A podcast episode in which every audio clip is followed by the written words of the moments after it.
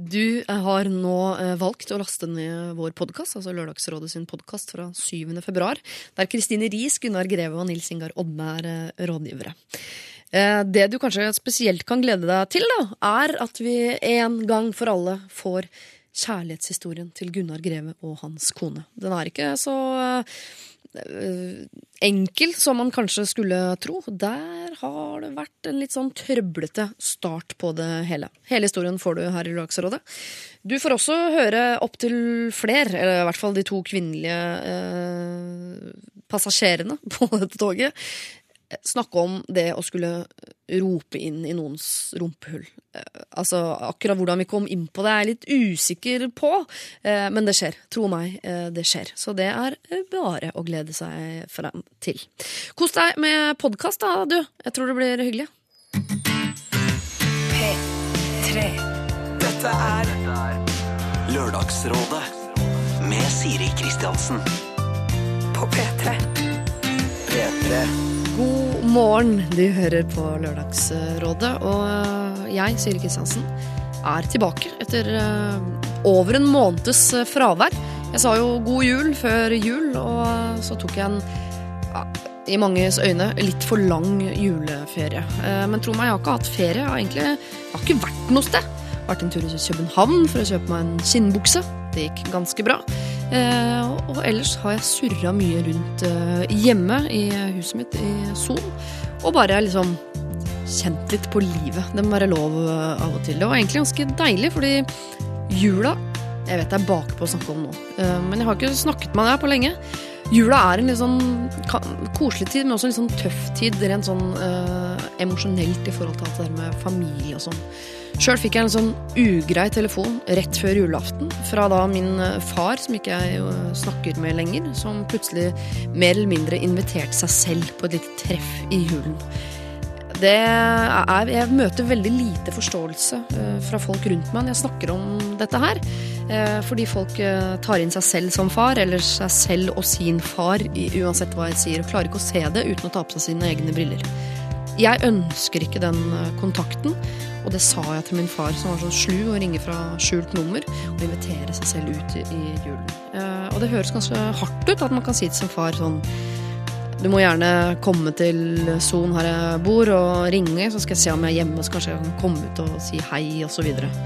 Men eh, for meg, jeg liker å beskytte det jeg er glad i. Jeg har den familien jeg vil ha, jeg er glad i. Vi koser oss eh, der ute i huset vårt, eh, vi fire og selvfølgelig noen flere rundt der. Jeg, ikke, jeg har ikke lyst til å åpne opp idyllen for å potensielt slippe inn noe. Eh, ja, min far, som kan på en måte herpe det hele. Jeg ser ikke hva han skal kunne bidra med i dette her. Han valgte seg ut fra mitt liv da jeg var 11, og det er faktisk ikke han som skal kunne velge seg inn igjen. Det er det valget er det jeg som sitter på, og jeg velger å si nei. Eh, lite forståelse å møte altså eh, der ute, eh, selvfølgelig fra min eh, nærmeste, men generelt litt lite forståelse. Det får være greit. Jeg tipper at eh, du som hører på, som har et anstrengt forhold til en i din familie, vil ha noe høyere forståelse for det, og det er helt naturlig. Men eh, nå syns jeg det er veldig deilig at eh, jula er liksom et tilbakelagt kapittel. Det er elleve måneder til neste gang, eh, det er litt digg. Vi skal gjennom liksom en, en lang vår og en deilig sommer og en enda deiligere høst og alt det der, som jo er min favorittsesong. Og jeg merker nå at jeg bare Jeg syns det er deilig å komme i gang med sånn hverdag. Jeg har savna å sitte her uh, og ha lørdagsråd med rådgivere og dypdykke i andres problemer. Glemme sine egne et lite øyeblikk. Og uh, det var med glede jeg åpnet eh, Lørdagsrådets innboks, som jo så langt har vært liksom, tatt hånd om på den beste måte av Ken Vasenius Nilsen. Tusen takk. Men takk også for at det ligger masse problemer som jeg gleder meg til å ta opp eh, sammen med deg her eh, i dag. Det er altså eh, Det er en bukett av rariteter der ute som jeg har tenkt til å få hjelp til å løse i dag, sammen med dagens rådgivere, som jo er Gunnar Greve. Kristine Riis, det ble gøy å ha henne her. Hun var jo på en måte med å starte Lørdagsrådet i sin tid. Da gjorde vi dette her sammen, hun og jeg. Så det blir ekstremt koselig. Og, Og Lille søte Nils Ingar eh, Odne. eh, Komikeren som er umulig å ikke like. Alle tre kommer altså hit om bare litt. Jeg tenkte først at vi skulle få høre Lady Gaga, jeg. Dette her er Pokerface. Lørdagsrådet På P3. P3 Det var eh, Lady Gaga med sin pokerface. Lenge siden jeg har hørt, for å være helt ærlig. Men jeg erindrer å ha danset til den en gang på 90-tallet. Nei, så gammelt er det ikke. Eh, god morgen til eh, dagens eh, rådgivere, som er Nils Ingar Odne. Du er yngst i flokken i dag, tror jeg. Er jeg det? Ja. Ja. Hvor gammel er du? Jeg er 32. 32. Kristine Det er gammel er du? jeg også. Er du også? Ja, er 82, Født i 82? 82. Ja, ja, ja. Ja, Ok, Da må vi fram til måned i over på året. September. August. Oi, oi, oi. 3. august. Hvilken dato har du, da? Tiende. Ok. Ja. Ja, ja. Gunnar Greve, hvor gammel er du? Du er eldst, for jeg er født i mars 82. Mars 82. Da er du absolutt eldst. Eller jeg er vel egentlig eldst, da. For jeg... glem det. jeg er i hvert fall født på sommeren, for å si det sånn. Det er ikke så mystisk. Det vel, er vel mulig å få tak i. Jeg er 36. Så livsvisdommen er på topp. Ja. Hvordan går det? Det er lenge siden jeg har eh, sett dere. Lenge siden jeg har snakka med folk. Kristine? Jo, det går eh, Det går vel ganske fint, egentlig. Ja. Eh, jeg vet ikke hva jeg skal si. jeg. Ja, men det er det rart å være tilbake Jeg tipper at Ja, de som sitter og hører på der? nå, tenker sånn Er du tilbake i Norge? Og noen tenker til og med Har du ikke vært i Norge hele tiden? Og noen tiden? tenker 'hvem er hun'? ja, kanskje jo, jo, men fader, Eh, kanskje det. Nei, men altså, jeg kan jo bare dra den litt sånn. Jeg, ja, jeg bodde jo i Sverige i, i noen år, vært i Stockholm, Ja. eh, og kommet tilbake. Eh, men det er veldig deilig å være her, for eksempel. Jeg synes jo, nå, har jeg, nå har jeg vært hjemme såpass lenge, noen måneder, at jeg liksom har vent meg til ting igjen og sånn. Ja. Eh, og, men det er, det er veldig fint å være tilbake og være på NRK igjen, altså sånne ting. Ja, det er jo for du som å er jo tilbake i Norge, du er tilbake i NRK. Ja. Tilbake til å, å jobbe med humor og sketsjer, som er vel det du i utgangspunktet liksom tenk, Eller det man tenkte at du kom til å drive med en dag, da. Fordi du har artig fjes. Ja. eh, eh, ja, jeg, ja, jeg er jo i Underholdningsavdelingen. Det, det må jeg huske å si nå. Ja. Hvis man vil komme og se på Underholdningsavdelingen. For det er En ting er å se det på TV, sant? Ja. men det er litt gøy å se det i studio også. For det er ganske mye som skjer som aldri kommer med. skjønner jeg mener? Ja. Litt latterkramper. Folk snubler i ledninger. Altså, det er, det er gøy, gøye ting som ikke kan sendes på TV. Da kan man bare sende en mail til publikum at nrk.no. Ja. Og det er helt gratis. Det er helt gratis. Og det finnes på fredager. da Fredag kveld. Fredag kveld. Mm, typ sånn fem-halv seks, liksom. Ja. Ja. Men jeg har det bra. Mm? Mm, bra. Gunnar, åssen er det med deg? Det innså akkurat jeg er med i et sånt intern promorigg for NRK. Ja, ja, ja, ja. Det er senkveldmetoden vi bruker. Sant. Eh, Du, det går veldig fint. Eller, det er ganske hektisk om dagen. Min kone har gått eh, inn i sånn klinisk undervisningssystem på medisin tredjeåret. Og da ble hun plutselig enda mer fraværende enn vanlig. Ja. Så det er hektisk. Tobarnsfar, som alltid. Eller som iallfall de siste tre årene. Ja. Men altså, hun går tredje året på eh, medisin. Ja. Shit. Vanlig skal bli allmennlege, eller? Jeg vet ikke, Det har de vel ikke bestemt seg for når de er så tidlig. De har to år med, praksis, nei, med, med, med veldig mye teori. Ja. Hvor det har vært pugg, pugg, pugg, pugg, les, les, les, les. Og så er det nå plutselig over i sånn klinisk undervisning. Klinisk undervisning. Jeg eh, tok Man må skjære i lik og sånn. Akkurat.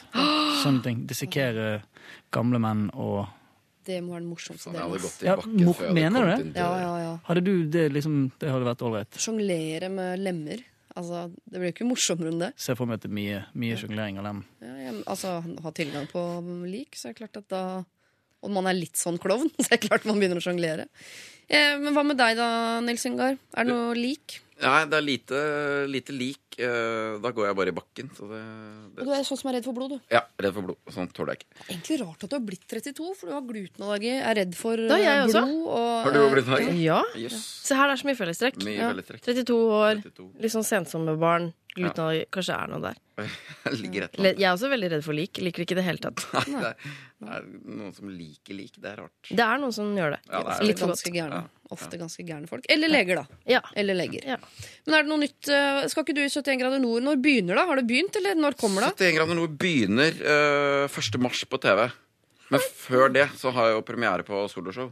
Så jeg er, det er 14 dager til premiere, så jeg er inne i en sånn boble. Og det er jo for det første et soloshow. Det ba, handler om bare meg. Det heter Ego. Handler om egoisme. Eh, så det, det, det går litt for mye i meg selv om dagen. Du er Så jeg er veldig glad for å komme hit og prøve å hjelpe andre. Ja. Snakke om noe annet. Men hvordan, kan jeg spørre om en ting nå? Ja. Det jeg må også si jeg, øh, Vi får veldig ofte høre at vi har like stemmer, Siri. At vi ligner også faktisk rent fysisk. Ja, det er veldig ofte Det er faktisk yes. folk spør om ja, er i. vi er Søsken. søsken. Og også flere ganger her nå siden jeg kom tilbake. Noen som har lurt på om spurt meg å så gøy det var det du gjorde, så har de sett ting som du har gjort. og sånn. Ja. Eh, men i hvert fall så Hva er det jeg skulle si? Ja. Jo, eh, å være i en sånn boble. Ja. Eh, ja, hvordan er det? Er det liksom, Går det an å tenke på det hele tiden? For jeg kan godt tenke på at man blir ganske ego av å holde på med det. Ja, det går å tenke på det hele tiden. Eh, og jeg gleder meg til å få premieren overstått og Ja. slappe ordentlig av for første gang på fire måneder, kanskje. Men har du ikke noe annet i livet ditt i tillegg? Sånn, øh, jo da, jeg står på langrenn på Ja, ja. Altså, Ja. Trening, liksom. Det er trening. ja. For du har ikke noe bikkje eller noe? Også ganske ego-prosjekt. Dette, Jeg bygger muskler, da. Så jeg har noe annet å tenke på. jeg tar for meg etter showet. Ja. Trening, proteinshakes. Så hvis vi vil vite mer, så må vi bare dukke opp, rett og slett. Men eh, når vi først snakker om det, så må jeg vite din sivile status, som da høres ut som den fortsatt er singel. Oh yeah. Singel og søkende, eller er du mer på den nå- jeg gitt opp? Ja, jeg, jeg er i utgangspunktet singel og søkende, men øh, akkurat nå så er, er det jo litt lite fokus på det. Da. Men Ja. jeg lover å skjerpe meg. Men kan du falle for en som ser deg, altså en publikummer, eksempel? Ja, jeg kan jo helt sikkert det. Hva skal man si da, hvis man kommer opp etter et show og tenker at man vil ha en beta til av han der Nils Ingar? Han der, ja, hva skal man si da, altså?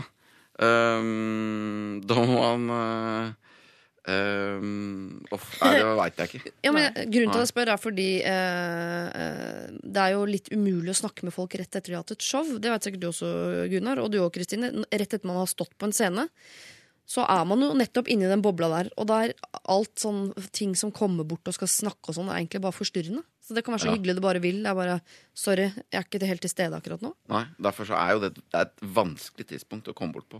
Ja. Du skal være ganske rå på innsalget, føler jeg, akkurat der og da. Ja. Men uh, det er sikkert mulig. Sikkert mulig. Ja. Ta det som en utfordring. Ja. Din sivile status har jo så vidt nevnt, Gunnar. Fortsatt tobarnsfar og en uh, veldig busy kone. Veldig lykkelig gift for det. Ja. Og disse to bissene de har du fortsatt ikke vært. Du, jeg låner de vekk så mye som mulig, så hvis du er hypp på to som røyter og tidvis gjør fra seg innendørs, så gir vi absolutt en lyd. Må man ta begge to samtidig? Eller kan Nei, man låne kan ta en? en hver. Ja, men fordi jeg er innmari glad i hunder, og har ikke hund lenger. Da Det gjør vi savner en jeg deal. veldig. Men de er veldig snille. Og Ja. de er veldig selskapssyke og sikkert klar for litt stueforandring. Liker du å ligge på sofaen? Eh, Jeg liker ikke at de ligger på sofaen. Men de liker definitivt De liker det. Ja, de elsker det. De elsker det. Men kan ikke dere snakke litt om det etterpå, om det er mulig for noe eh, sånn hundepass? Jo. Ja, det er sant. Kristine har vært veldig glad i hunder, faktisk. Kan bekrefte det. Ja, det bekrefter jeg. Din sivile status, Kristine, er kanskje den jeg er mest nysgjerrig på. For det er jo den som er mest vaklende eh, oss imellom. Her i stu altså Nils Ingar, alltid singel. Gunnar, vært gift jævlig lenge. Ja. Du er mer sånn av og på. ja. ja, vi får håpe det kommer noen som lurer på noe råd rundt sånne ting i dag, da. Ja. Ehm, jeg er jo ikke så ustabil type, jeg, da. Nå hørtes det ut som jeg var helt sånn destruktiv. Ehm, nei, men jeg har jo Det er helt riktig, det. Jeg har hatt litt ulike forhold. Har ikke folk det? Men hvor er du akkurat nå? Er det så dumt at det er, hvis det er hemmelig, for da er, da, er det liksom, er det noe på gang. Hvis det ikke er noe på gang, så er det jo ikke hemmelig. Nei, ikke sant? Nei. Eh, jeg syns det er vanskelig å svare- på. Men sivil status går jo på andre ting også. Altså Mm. sånn Lån og bo, bolig og dyr og sånn. Kan man svare det på sivilstatus? Det er lov, ja. Er det sant? Jeg tenker at det bare sånn- handler om én ting. Jeg. Nei, nei, det handler om hele pak pakka Kristine Riis. Åh, ja, men altså, pakka Kristine Riis er jo veldig liksom det, er- Jeg har jo akkurat kommet hjem, Siri. Ja. Gi meg litt slack, liksom. Jo, men har du kjøpt deg leilighet, for eksempel? Nei. Nei. Nei, Leier? jeg skal gjøre det. Bor du i hybelleilighet hos en venninne, eller hva driver du med? Liksom? Nei, jeg, jeg, jeg leier en leilighet Le leilighet. som jeg er ganske fornøyd med. Som er veldig nærme jobb, og det er veldig fint. Alene. Ja. Ja, for det kollektivet med 32, det går ikke. Nei, det går ikke. Nei. Men jeg har ikke noe dyr. eh, Jeg bor alene, og det høres, det høres trist ut, da, men det er ikke så trist. Jeg skal, jeg skal ikke være redd. Jeg skal gjøre alt voksne personer gjør. Jeg må bare summe meg litt. Ok. Så har vi to eh, single, søkende 32 år gamle glutenallergikere her.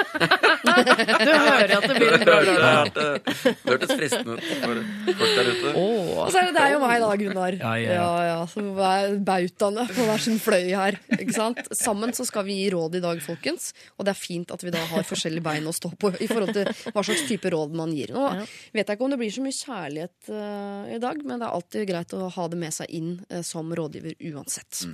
Vi skal høre Donkeyboy med 'Crazy Something Normal' før dere får eh, første problem. P3. Dette er Lørdagsrådet. På P3. P3. Donkeyboy, altså Crazy Something Normal, eh, hørte vi der. Og som rådgiver i dag har jeg med meg Kristine Riis, Gunnar Greve og Nils Ingar Odne. Og vi skal eh, bi oss ut på det å skulle å kjenne sin besøkelsestid. Jeg leser. Hei, jeg har en kompis som overhodet ikke kjenner sin besøkelsestid. Hver gang han er på besøk, ender det opp med at han blir her til både jeg eh, og dama mi holder på å gå på veggen. Det hadde for så vidt ikke vært noe problem og, eh, om dette var noe som skjedde en gang iblant. Men han eh, kom på besøk opptil fem-seks ganger i uka. Spør ikke på forhånd før han kommer, og ofte blir han hos oss så langt utpå kvelden og natta at han til slutt ender opp med å erklære seg selv som overnattingsgjest. Til tross for at han bor rett oppi gata. Morgenen etter tar han eh, sjeldent initiativ til å dra hjem da også. Det kan fort ende opp med at han er her hele den dagen også. For noen måneder siden bestemte han seg for å flytte hit til byen, og da han ikke hadde tenkt på hvor han skulle bo eh, før han sa opp sin gamle leilighet, sa vi at han kunne bo her noen dager til han fant seg et sted å bo. Dager ble til uker, og til slutt måtte vi lyve og si at vi skulle ha foreldre på besøk som skulle bo på gjesterommet, for å få han ut. Vi føler jo selv at vi er ganske gjestfri, og han får naturligvis mat og oppvertning når han er her. Men til tross for dette virker han som han tar dette som en selvfølge. Han sier aldri eh, takk for maten eller takk for besøket, eller spør om vi eksempel kunne trenge hjelp med noe eller rydder etter seg. Det eneste han gjør, er å sitte på sofaen og vente på å bli servert.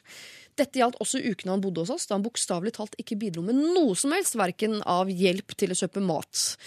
Vi er studenter og har egentlig ikke råd til å fø på enda en til, men vil liksom ikke fremstå som smålig heller. Er dette for real? Ja. Ja. Og frekkheten hans toppet seg den ene gangen spiste, uh, jeg spiste middag hos han, og han faktisk krevde å få penger uh, for dette billige måltidet. Han er egentlig en ålreit fyr jeg liker å henge med. Imidlertid har han ikke verdens største vennekrets, så jeg vil ikke miste han som venn, men, må, uh, men nå holder jeg og dama på å sprekke. Eh, Spørsmålet mitt er hvordan i alle dager skal jeg få fortalt han at han irriterer oss uten å ødelegge vennskapet vårt. Eh, Vi hadde ikke hatt noe problem med å være gjestfrie om han bare hadde vist litt normal folkeskikk og takknemlighet tilbake. Så hvordan skal vi oppdra denne mannen i 20-årene til dette, når han allerede ikke har lært det fra før? Med vennlig hilsen all inclusive. Wow.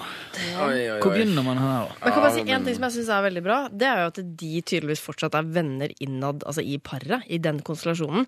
For tenk, altså, tenk hvis den ene hvis, hvis, Nå er det tydeligvis han som har sendt inn mail, da. Ja. Men la oss si at han syns at det var helt greit, og hun syns at liksom, unnskyld meg, må han være her hver dag? Så de står iallfall sammen Det er om at dette er Det er jo kjempebra utgangspunkt. Men det hviler jo litt på hans skuldre, for det er hans kamerat. Så jeg tipper det er litt press fra kona eller dama her om at nå må du snakke til kompisen din. Det er faktisk din oppgave. Altså, jeg begynner å lure på om det vennskapet egentlig er verdt så mye i det hele tatt. Hvis de kreves, avkreves penger for middag og serverer han seks ganger i uken. Du vet hva, egentlig så lurer på, Har han leilighet i det hele tatt, tror du? Ja, det er det jeg også Kanskje bare er det litt, bløff? eh, ja. Han bor på gata, eller så bor han hos Dette er noe av det villeste jeg har hørt på lenge. Ja, for jeg kan ikke huske Er det noen av dere som har en venn som dere er hos ofte og innimellom bare sover over og blir der hele dagen og etter? Og det høres jo helt uh... Ja, det er helt merkelig. Nei, men jeg føler at jeg har vært i lignende situasjon. Altså, det har jeg faktisk i livet mitt sånn tidligere. Ja. Ikke at jeg har vært den som har kommet på besøk, men hatt, altså, opplevd det der. Ja. Og det er liksom det er, jo, det er jo Man blir jo veldig irritert, dessverre. Og så føler man seg som et dårlig menneske. Ja. eh, Fordi man vil jo egentlig bare være grei. Men så er det så unaturlig. Det er så unaturlig at en tredjeperson skal være hjemme hos deg hele tiden. Ja. Og, og, og så sitter man der på kvelden og så ser man klokka begynner å bli sånn elleve, kvart over elleve, halv tolv. Skal du ikke gå snart, liksom? Sikkert Og så blir man der. og. Og, så skulle det bli lagt, og så kjenner du bare ja, nå skal han sove her. Ja. Jeg, jeg blir så provosert. Jeg tror ikke jeg hadde klart å holde meg. Så sånn, men skal du ikke hjem, liksom? Jeg syns det er imponerende at han klarer å holde seg. At han ikke, at han ikke skjeller ut han At han ikke har sprekker. Hvorfor kan han ikke bare si 'nå må du gå'? Dette er, dette er for mye, altså. Han, må, han er, for, er det altfor mye. Han er blottet for sosiale antenner. Det Ja. kan vi vel være være Ja, helt enige ja, om. ja. Absolutt. Men altså, vi, vi kjenner jo ikke denne fyren. Han, han sier at det er en ålreit fyr og sånn. Det kan jo hende han har noen problemer i livet sitt. Ja, men mye, som, Ja. Men uansett hva man ligger til eh, rette her, så, eh, eh, og hva han går gjennom, så kan Mm. man si takk for maten. Man kan rydde etter seg. Man kan la være å kreve inn penger for det ene måltidet du har med, bidratt med tilbake og sånn. Men Ja, han, altså, han, burde jo, han som er på besøk, burde jo åpenbart uh, ta seg sammen. Men det er jo på en måte ikke problemstillingen her. Uh, for det skjer jo ikke. Så det er jo han som trenger hjelp. Det er jo et problem når han ønsker å beholde vennskapet. Ja. Um, Ja, for alle, Det virker som alle syns det nesten er litt rart at han ønsker å beholde vennskapet. For jeg syns Ja. det der er såpass irriterende at jeg hadde lagt vennskapet i potten og sagt ryk og reis. ja. Så er det ganske omfattende. Det, liksom, det handler ikke bare om at han kommer og spiser middag. Eller at han, han, han, han er der, han skjønner det ikke, han tar betalt. Han Bare eh, er nei, Det er sånn grunnle, ganske sånn grunnleggende fundamentale problem i allmennopplæringen. Ja. si. Det er innmari rart at det, at det kan gå så langt uten at noen tør å si noe. Ja. Altså, men, det, men det, sånn er det jo. Kan man ikke, de må jo bare si det, da. Men betyr ikke det også at innsender her og kjæresten må ta litt ansvar for at ikke de på en måte har sagt fra Ja. før? Han, de har jo latt det gå ganske langt. De har jo, til tross for sine irritasjoner at han er der hele tiden, fortsatt å gi han mat. Fortsatt å, altså, de har jo Du må sette noen grenser for ham. ja det, det, det tenker jeg også. Kanskje det er første steg. At de, at de setter noen De må begynne å sette grenser. grenser. Og liksom begynner med å si nei, du kan, du kan ikke komme i Nei, i dag passer det ikke. Det passer ikke. Men, men tror ikke dere de har prøvd de, altså, det, det første de gjør, er ikke å, å sende en uh, tekstmelding til Siri. Det første de gjør, er jo liksom å gi et hint eller prøve eller gi beskjed på en subtil, men ikke så det. De har sikkert ikke vært sånn frontal, frontalkonfronterende, men jeg, det innbiller meg at de har prøvd. på et Men når det har gått så langt som du sa i mailen at de, måtte, de løy og sa at de skulle få svigers på besøk, da har du ikke så veldig mye pondus, da, på en måte. Det- Eller sånn, Da er man jo litt Nei, konfliktsky. Så det, det kan jo hende at det, Og det man skal være klar over da, det er at hvis man begynner å sette grenser overfor sånne folk, så må man jo være forberedt på at det kan komme liksom, reaksjoner og kanskje litt manipulasjon eller gråting og altså, sånn, «Uh, meg, og litt sånn, da. Ja. Så det, det må de jo da i så fall være forberedt på å kanskje snakke om med han, da. Ja, for dette er en jævlig god deal for han fyren som er Ja, der hele tiden. Og jeg skjønner også, De har kanskje hinta sagt sånn «Hæ, Skal du ikke gå hjem, eller det passer ikke i dag, eller hinta sånn. Hvis du gjør det på en tirsdag, og på en onsdag du allikevel slenger oppi tre ekstra kjøttkaker i, i gryta, liksom, så gjelder ikke det hintet lenger. Da har du på en måte nullstilt Ja. hintinga di, fordi eh, det eneste han får med seg, er de tre kjøttkakene. Al- Så de må stå ut med sin egen dårlige samvittighet. Det er ja, de må du må øh, det er som å si øh, ja, Jeg har møtt Nils Ingar på byen, og han er kjempeforelsket i meg. Og så ligger jeg med deg mange ganger og sier sånn Jeg er ikke forelsket, jeg kommer aldri til å treffe deg igjen. Og dagen etter så ligger jeg med deg. De må Altså, være det er jo, man gir jo nye forhåpninger for hver nye Men er det ikke rart, men er det ikke rart med sånne her ting? Nå kjenner jeg liksom, bare for at Nå sa jeg liksom hva jeg syns at de burde gjøre. Så kjente jeg at jeg fikk dårlig samvittighet overfor han Mm. som er på besøk. det er det som er så, Så det, man, man får jo det. Jeg blir, nå blir jeg redd. jeg. Tenk, sånn, ja, men tenk om Tenk om han har det helt forferdelig. Da. Tenk om Mest sannsynlig har han jo ikke helt forferdelig. men de, må, sånn. de må jo snakke med han også. De kan jo ikke bare si 'du får ikke være her'. Du må jo høre som hvorfor har du lyst til å være her hele tiden. Går det an å ta opp liksom uh, hva, hva planene hans er fremover? Er det liksom Hva har du tenkt å ja, gjøre? hva, hva, Stekke? altså, Ja. Fordi taper man litt sånn Ok, nå er du her veldig mye. Mm. Øh, hva, hva er planen din på sikt, liksom? For det høres ikke ut som den er all verden. Jeg tror sånn pedagogikk her, eller pedagogisk tilnærming til det. At Bevisstgjøre han på et eller annet nivå. At han faktisk Det er jo sånn mange Kanskje det blir sjofelt og litt sånn, sånn enda dårligere gjort, men på en eller annen måte, hei, er du klar over hvor mange timer du har tilbrakt her den, den siste måneden? Du kan Ja. lage en liten, sånn, liten sånn timeplan og så fylle ut med rødt de feltene hvor han faktisk har. Altså, jeg vet ikke. Eller ha et kamera på veggen som viser Det, det er mange Ja. døvmåter Ja, han- å gjøre det på, men eh, Han er jo inne i et mønster hvor han helt åpenbart ender hos dem hele tiden. Ja. Og det, det er Men ikke, det er hvorfor ikke skulle sikkert han er ikke klar over det. Hvor, altså, Han har jo verdens sweeteste deal her. Hvorfor skal han slutte å komme til et sted hvor han blir varta opp og gitt mat, og folk fløffer fluffer putene hans og brer over dyna og sier god morgen og Men problemet er at er han ser nok ikke sånn på det sjøl heller. Altså, jeg tror ikke, han, tror ikke han har innsikt, eller er der at han skjønner at det er et problem. Han tror nok sikkert at de syns det er hyggelig. De burde prøve å spleise ham med en eller annen dame. Hvis han hadde fått seg kjæreste, så hadde jo alt blitt lettere. Stakkars dame. Stakkars han, da. Ja, må, Ja. Da må hun bidra. Men jeg, en ting jeg Ja, snakke problematiserer her, er at han ikke rydder og setter inn oppvaskmaskinen etter middagen. Som jeg tenker sånn, Det er ikke sikkert dere vil det heller, for da har han virkelig flytta inn. Den dagen han har kjøpt med seg dopapir og og sånn. ja, ja, da, da, ta da, bor han faktisk der. Ja. Ja. Så jeg tror her så må de ikke De må slutte å hinte, de må få gitt han en ganske sånn kraftig beskjed om at det er for mye. Ja, men De må si sånn 'her vil vi ha det', og så må de også, hvis, hvis de er veldig glad i han og rolig for han, så må de jo snakke med han om det i så fall. da. Ja. Åh, det er bare, jeg ser Egentlig at det ganske kommer som lyn fra klar himmel foran fyren her. Når de har vært greie så lenge, og plutselig får de beskjed sånn Du er her for mye. Da føler man seg jo dum. Sånn Å, har dere tenkt på det? For nå har jeg vært her hver dag i et år, og Det er gøy hvis han har et så bevisst forhold til det. Da, Da da er han jo ikke Da er han kynisk, Ja. rett og slett. Jeg tror det handler om bevisstgjøring. Altså. Bevisstgjøre det på en eller annen smart måte. Få han til å innse at shit, har jeg faktisk, er jeg her så mye? Ja. Er jeg en tulling? Ligger beina på bordet hver gang jeg er her? Har jeg aldri satt i maskinen etter meg? Det er jo selvfølgelig ikke noen sånn god fasit på akkurat hvordan du skal gjøre det, men jeg tror bevisstgjøring av, At det faktisk er blitt et møbel snarere enn en kompis. Det Man kan jo be han, be han om å lage mat kanskje en, en dag. Si at uh, hvis han sier Hvis det avtales i forkant, da, eller hvis han ikke bare kommer innom, si ja, du kan Ja, kom gjerne over, men da lager du middag, da. Kjøp meg noe mat og middag. Ja, De må i hvert fall Ja, slutte å gi han mat og slutte å liksom dulle med han som han var Ja, de eh, deres nyfødte. Liksom. Eh, Men jeg tenker at neste gang han er på besøk, kanskje si sånn i morgen og over i morgen så passer det egentlig ikke at du kommer på besøk. For jeg tror bare, Det skal ikke så mye til før de planter et eller annet frø i han som gjør at han tenker hvorfor ikke det? Er det ikke hyggelig? Har jeg vært der mye? Og så tror jeg han på en måte Kanskje han bare skjønner bildet sjøl. Det, det høres litt, Vi snakket om hundene mine i sted. Det høres litt sånn ut som vi tenker i hundeopplæring. Sånn, konsekvent. ikke gi dem mat. Pass på at de ikke skjønner Pass på at de ikke blir for fordumme nå. For han er jo tross alt en, en, en oppegående, iallfall tilsynelatende, mann på et eller annet nivå. Ja, absolutt. Tenk hundeoppdragelse her, så er det all inclusive. Slutt å gi han mat. Og hvis dere har drevet med noe hinting, så må dere liksom, dere må fullføre. Dere må sette noen grenser her. Og da må dere antageligvis ta den praten med kameraten deres da. Eh, og jeg tror ikke det ødelegger vennskapet. Han kommer til å bli flau. Han kommer til å synes det er litt vanskelig å møte dere kanskje de neste ukene. Men det blir jo en deilig pause, da, ikke sant? Synes i hvert fall jeg det høres ut som. Og det tror jeg dere trenger. Og bra at dere står sammen i dette her. Og sammen skal dere få han fyren der til å komme på besøk. Ja, en gang i uka, da. Det må han få lov til. Så ikke det blir helt sånn fra alt til ingenting. Unna én dag i uka, men ikke noe overnatting. Sånn driver vi ikke med i voksen alder. Dette er Lørdagsrådet På P3.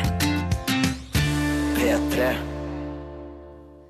Kaizers Orkestra var det med sin eh, hjerteknuser, og før det uh, What I Did For Love, David Guetta sammen med Emilie Sandé.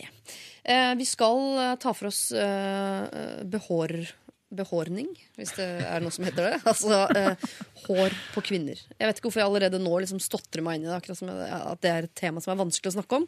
Men det syns jeg det er, fordi jeg strides mellom å, eh, hva jeg tenker at jeg burde mene som kvinne, hva jeg mener som kvinne, og hva jeg egentlig mener som mann, fordi jeg har en mann som bor inni kroppen min. det er kanskje nytt for Du har en mann du bor sammen med, som kanskje har litt meninger? ja, han, det hender han også får lov til å slippe til med noen Ja, meninger når han kommer ut av buret sitt. Han roper ikke mellom sprinklene. Ja, jeg har lydisolert. eh, Ja, ok. sånn, Ja. ja. Smart. Ok, Uh, Hei, jeg er en kvinne på 31 år. For noen måneder siden innså jeg at jeg er voksen, men har egentlig aldri sett hvordan kroppen min ser ut naturlig. Inspirert av Jenny Jordal og bloggen hennes Livet med dyrene begynte jeg å tenke på å la kroppshårene gro. Så jeg begynte prosjektet La håret gro for en stund siden. Jeg må si at jeg liker det. Jeg føler meg på en måte sterk. Barbering irriterer huden min, og det har vært veldig godt å slippe det. I mange år, eh, jeg mener alle år, har jeg brukt mye energi på å være misfornøyd med eget utseende og mye tid på å retusjere den så godt jeg kan. Nå har jeg endelig kommet dit hen at jeg liker kroppen min, og jeg aksepterer og er glad i hvordan den ser ut, også med hår. Men det er jo ikke der problemet ligger. Problemet oppsto da samboeren min i går spurte om vi skulle ha sex. Vi gikk begge i dusjen først, kåte, klare, og når han ser meg komme ut av dusjen med dusken i behold, begynner han å kle på seg bokseren. Jeg spurte hva som var galt, og han sa bare 'Har du slutta med barberinga?' Da har jeg ikke lyst lenger. Jeg prøvde å snakke om det og påpekte blant annet at han har sluttet med intimbarbering for lenge siden uten at jeg lagde noe større nummer ut av det. Da ble han irritert og sa at jeg kunne forsøke å presse han så mye jeg ville. Hvis han mistet lysten, så gjorde han enkelt det. Jeg fikk spurt om det var noe han trodde han kom til å endre med tiden, og han kunne svare at det vet jeg ikke. Det er ikke akkurat gøy å bli avvist av kjæresten sin fordi han eh, mister tenninga. Jeg sto igjen og følte meg som det eh, hårete monsteret fra Monsterfabrikken, eller kanskje mer som en av gorgene fra Fragleberg. På den ene side vil jeg være attraktiv for kjæresten min, på den annen side syns jeg det er urettferdig. Jeg har gjort noe for min del, noe som gjør at jeg har det bedre med meg selv og min kropp. Er en liten dusk nok til å miste tenningen permanent, eller gjør han dette for å presse meg? Jeg vil ikke bli diktert av kjæresten min, men samtidig vil jeg ikke leve et liv uten sex. Hva kan jeg gjøre nå? Hilsen Harry Berry, som jeg syns er et morsomt navn, og gir Harry poeng Berry. for. Harry Berry. Ja.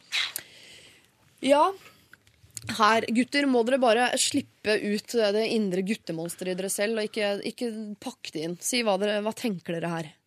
Nils Silje. Ja, jeg hadde aldri sagt det han hadde sagt. Det kan jeg si med hånda på hjertet. Det er, jeg, det er jeg ganske sikker på. Men er du glad i hår? Jeg er ikke spesielt glad i hår. Jeg må være så ærlig og si at det er liksom noe av det jeg finner minst tiltrekkende. Det er hva Var det behårede kvinner? Var det du sa? Ja. Det Altså, natur, du er ikke så glad i naturlige kvinner, da? Hva mener du? Ja, Hår? naturlig. altså, snakker vi Jo, hår, håret på Ja. Hår som Ja, nå tenker jeg ikke på, Ja, men, ikke på ja, men hodet. leggene, men, eh, liksom? Er det å Ja, det, jeg syns det er sexy med barberte legger og Ja. intimbarbert. Jeg er enig i det. Ja. Det, er, eh, det er sexy. Men om det liksom er nok til at jeg hadde For her høres det helt ut som vi er liksom i et hjørne. Det er clinch. Det er liksom Nå kan det være det ryker, nesten. Ja, han var jo Eh, ekstremt bastant, da. Ja, ta på seg bokseren og si Ja, 'nå er det nok'. Ja, den er ganske Det er ganske voldsomt. For jeg tenker jo at det, dette er jo en ting i et forhold. Så er jo dette en ting det må være mulig Det er lov å ta opp dette. Det syns jeg. Men det, en ting bekymring som bekymringsmelding er jo liksom Hva var det noen måneder hun hadde latt det gå? Og det var første gang de hadde sex. Så vi er litt sånn, kanskje der allerede. Vi er ute Ja, litt å sykle. sant, det er sant. I forhold til intimitetsgraden i dette forholdet. Men, men det er klart, hvis du har vært sammen med noen i mange år, og de har barbert, intimbarbert seg eller barbert seg eller Vokset stelt seg, vokset vokset sånn som man gjør det, eh, i alle de årene, og det har vært sånn man har blitt kjent med og blitt vant til og, og blitt glad i vedkommende, og det er plutselig uten forvarsel, verken verbalt eller sånn visuelt, Frontalt, plutselig, ja. plutselig, bare et veldig hårete versjon av det. Jeg skjønner jo at han altså der og da, dette første reaksjonen, så kan jeg forstå liksom at bokseren kom på igjen, jeg. Men, Ja, eh, men den sånn, kan jo sånn- ikke forbli på, på et eller annet vis.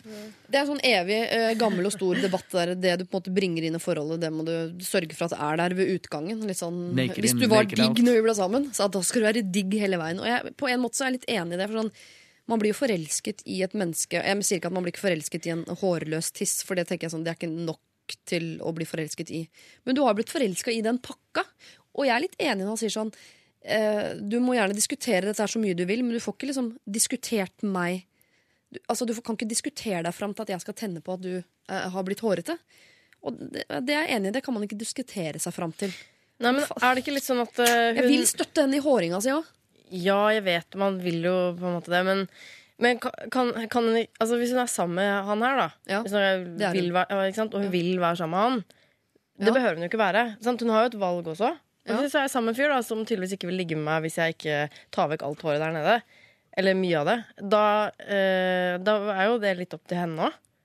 Hun, hun kan jo, hvis han er helt låst på det Mm. eh, jeg synes Det høres, sånn, det høres jo ikke helt eh, sunt ut, kanskje. Men eh, Nitrist uh, grunn Ja, hva, hvorfor er det slutt mellom dere, da?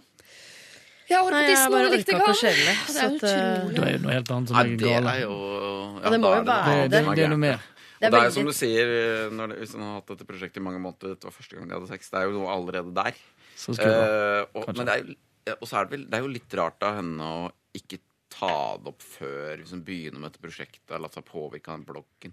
Jeg tenker at øh, Men jeg er det er noe man snakker om. Er det ikke? Var det liksom hva, Livet på, på gården? Livet med dyrene? Livet med dyrene. Jenny Ja. Jordal. jeg, det vet ikke jeg hva Du kjenner ikke Nei, jeg, jeg vet ikke Men jeg syns det er sånn- litt farlig å, å la seg påvirke for mye av Men hallo, tenk livet så med dyrene. skuffa man blir, da. Altså, så jeg har blitt så skuffa. Hvis jeg hvis, hvis bare Nei, jeg vil ikke ligge med deg hvis ikke du gjør det. Da, da jeg sånn der, ja, men det, det, er jo ikke noe, det må jo være veldig sånn, litt sånn sjokk for henne.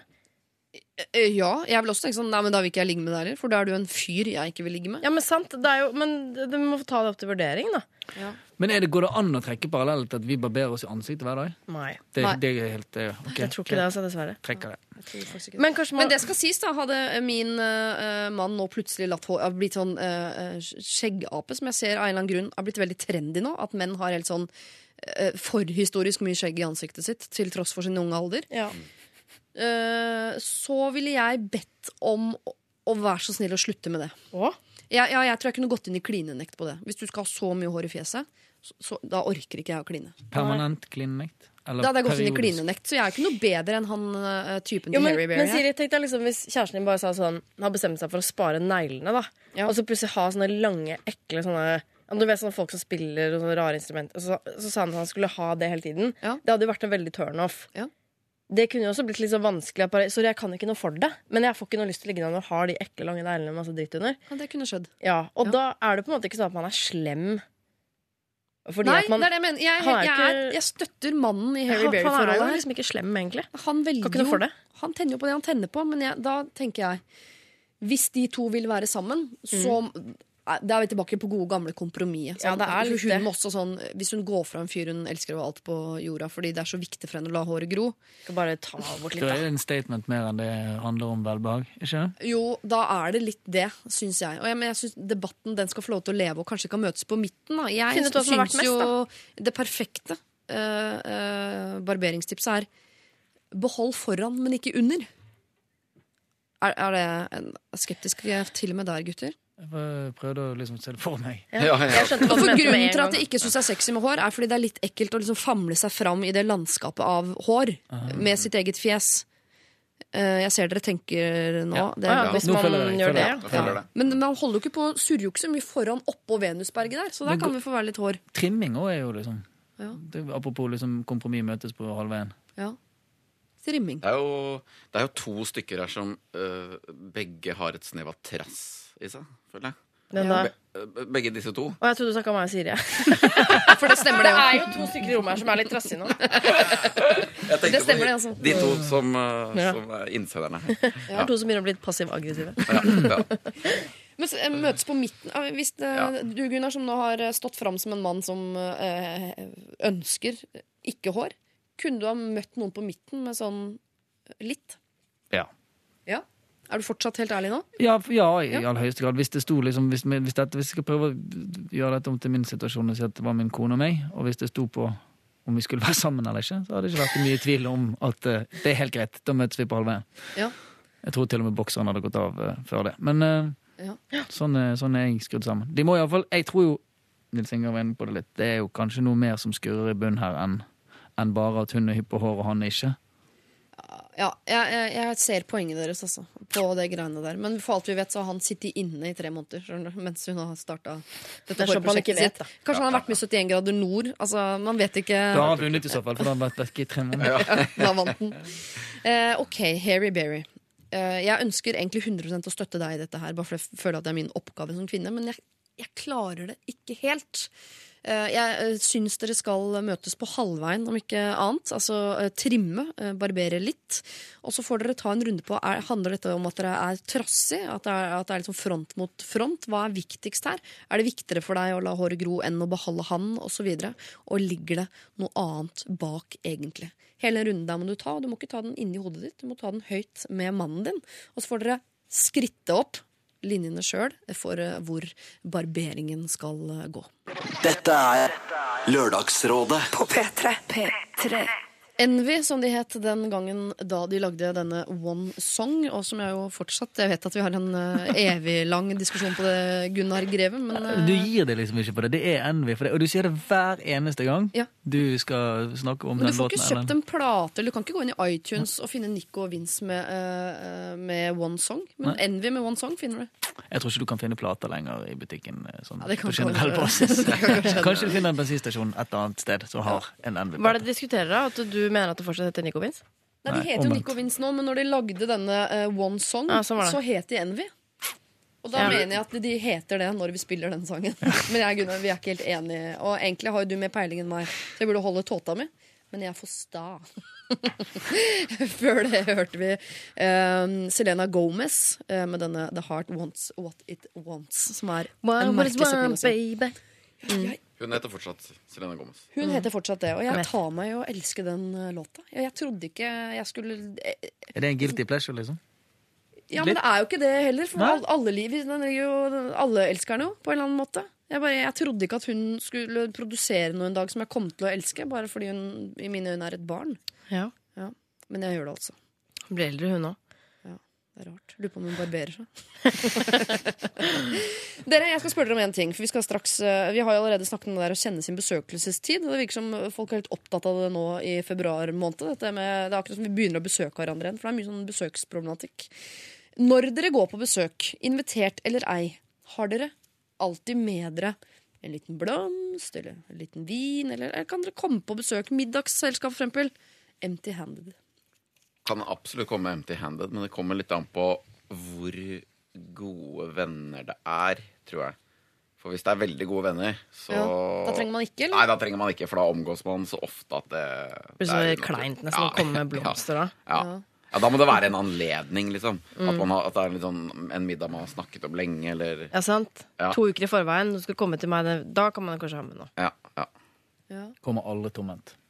Aldri. Gjør? Men jeg er veldig flink til å være kreativ. Det er, ve- det er sjelden sånn det er godt planlagt. Det blir som tulipanene i be- bedet utenfor. Nei, ikke så ofte det, men, men, men det, det, det er mye, mye man har hjemme som man kan Å, du er sånn som regifter! Ja, men jeg mener at man må stå åpent fram med sin regifting, for det må vi ha mer av. Regifting er fint. Ja. Men har du gaveskuff, eller tar du bare noe fra bokhylla? liksom? Det blir mer um, Tar den boken som knirker minst? Altså. Ja, Den er ny. den telefonen som ikke funker. Nei da, det, det, det er kreativitet, uh, rett og slett. Og så har jeg en kone som er flink på det. Men det er mye regifting, altså. Det er Ja. sånn, Uten at det er en egen designert skuff til, til de tingene, så Ja. er det mye skuffer egentlig hvor det finnes ting som kan regiftes. Men gir du bort sånn um, siste plata til Sandra Lyng, for eksempel? Er det, Nei, det- som pusher e- eget uh... Igjen, det er ikke så mange plater å en, oppdrive. link? Så jeg sender mye, jeg lager sånne lapper med linker på som jeg gir bort. Jeg har sånne Spotify-vouchere som jeg gir til venner. Eh, Det er lite promo. Veldig lite promo. Men, eh, men det, det er sånn, i vår bransje det er mye freebies, ikke Jeg i hvert fall føler ofte at man får, får mye sånn tilgang på ting som er gratis, som man kanskje ikke har bruk for. Sånn mobildeksel og Ja, for nøkkelring og sånn? T-skjorter eller Ja. ja, skjønner. Så det, det, Det, jeg eh, husker alltid på eh, Til jul så er det fint å regifte sånne firmagaver. Ja. Men da er jeg alltid veldig nøye på å pakke det først, sånn at det ikke står 'vi takker for samarbeidet i året som har gått' på vinpaska. For det har smell å gå på. Så gir den. Nydelig eh, håndmalte Telenor-vasa. Så det er ikke så gøy å få til jul, på en måte. Åh, Hva med deg, da, Chrissy? Reece? Æsj, man kan vel ha med seg noe. Det, det er vel helt greit, det. Men altså, det kommer, altså Jeg synes det har vært innmari rart å ha med noe. For eksempel, hvis jeg ser kusinen min ganske ofte, da. Ja. Jeg kan ikke, liksom, jeg synes det har vært kjemperart om hun kom hjem til meg med blomster. Liksom. Hun, Så det tenker jeg ikke på engang. Men hvis, hvis man blir invitert liksom, lang tid i forveien et sted, eller eh, kanskje man ikke ser så ofte, så synes jeg det er helt, helt, eh, Da er det veldig hyggelig å gjøre det. Ja. Da går går i blomster, da, eller? Ja, eller vin, eller noe sånt. Eh, vi skal snakke mer om dette her, men mer sånn om, om det er litt sånn bordet fanger. Har du med deg noe eh, blir igjen? Er det da Er det ditt, på en måte? Eh, det er eh, ditt vi skal. Oi. Men eh, først så skal vi høre Taylor Swift. Dette her er Blank Space. Dette er Lørdagsrådet På P3. P3. Taylor Swift var det der, altså med Blank Space. Og øh, vi i Lørdagsrådet vi sitter jo her og uh, svarer på uh, problemer som du har. Hvis du har et problem du ikke har sendt inn allerede, så gjør for all del det. Det er lralfakrøll.nrk.no. I dag så er det Kristine Riis, Nils Ingar Odden og Gunnar Greve som er å treffe her som rådgivere. Ute sånn SUS-telefonen, bare Mhm, på bare ringe, emoticons. bare Um, eh, men vi holder jo på med dette med, med eh, vertinnegaver osv. Eh, jeg leser her en mail fra Alexander. Hei. Hei, hva er reglene for eh, alkoholvarer som står igjen etter en fest? Jeg hadde en fest for en uke siden, og i dag fikk jeg melding om at jeg kunne ta med den ene flaska som ble stående igjen.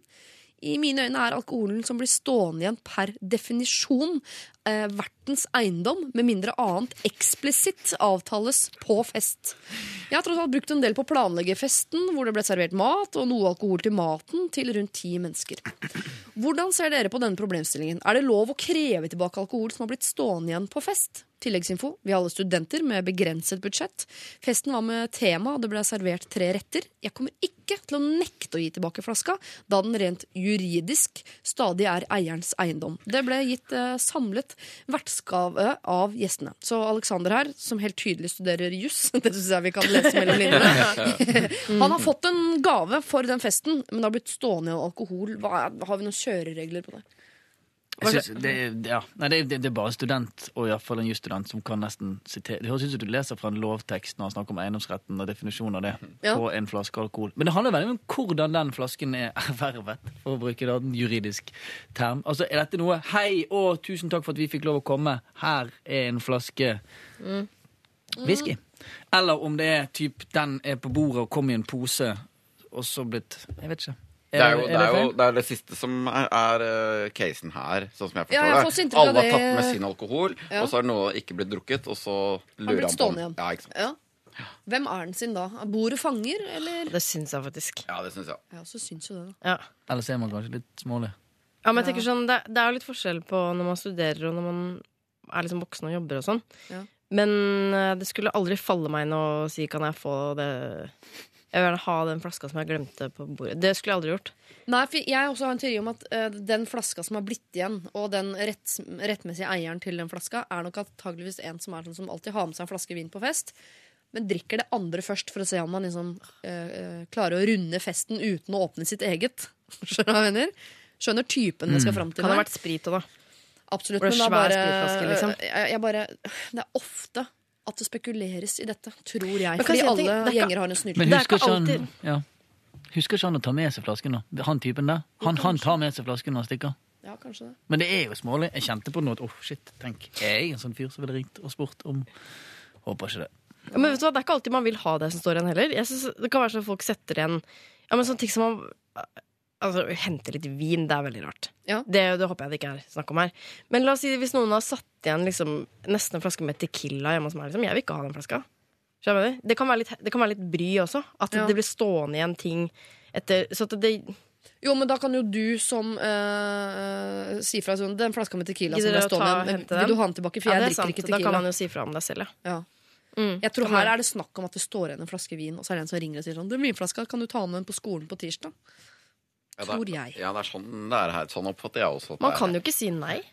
Nei, Jeg ville bare levert den tilbake og sørget for at vedkommende ikke fikk festinvitasjon neste år. Nei, for du skal jo avslutte vennskapet over den vinflaska.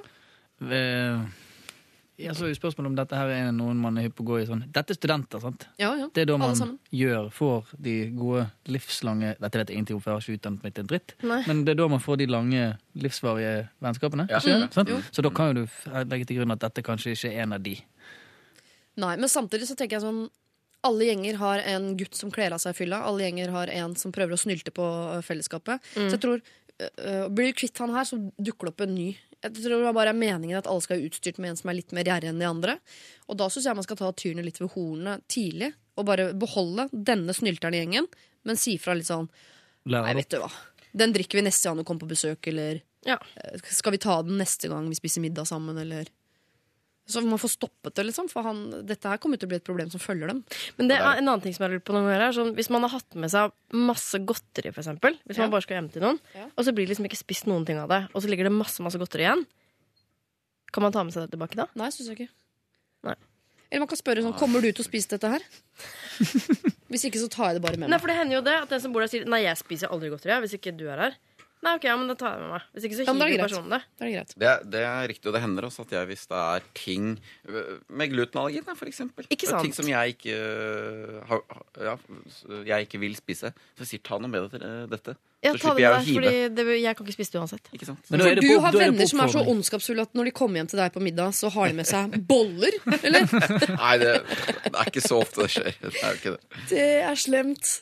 Oi, oi, oi. oi. Her. det, det er litt annerledes hvis det er på oppfordring. Ikke? For det er jo litt av Altså, hei, ta med deg dette. Da tar du det med deg. Men eh, Absolutt. det er på anmodning, ikke på oppfordring.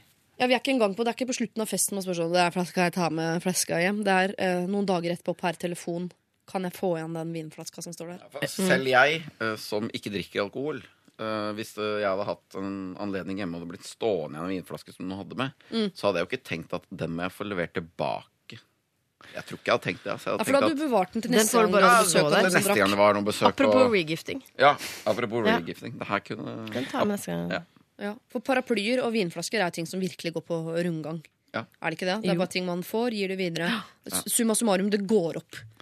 Men jeg tror du er inne på noe i forhold til det å lære opp vedkommende. Hvis vi skal si da at ok, man må ha han der snylterstereotypen i gjengen, så han er kanskje like greit som noen andre. Kan vi å liksom gjøre, det, gjøre den tilbakeleveringen.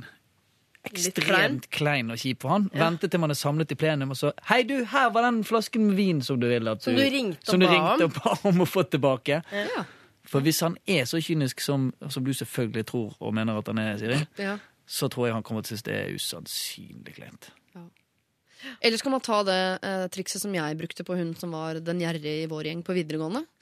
Eh, Som ba om eh, Dette har jeg fortalt mange ganger, ass. Sorry. eh, Som selvfølgelig var på vorspiel, drakk ikke, hadde lånt bilen til faren sin og skulle kjøre oss ned til byen.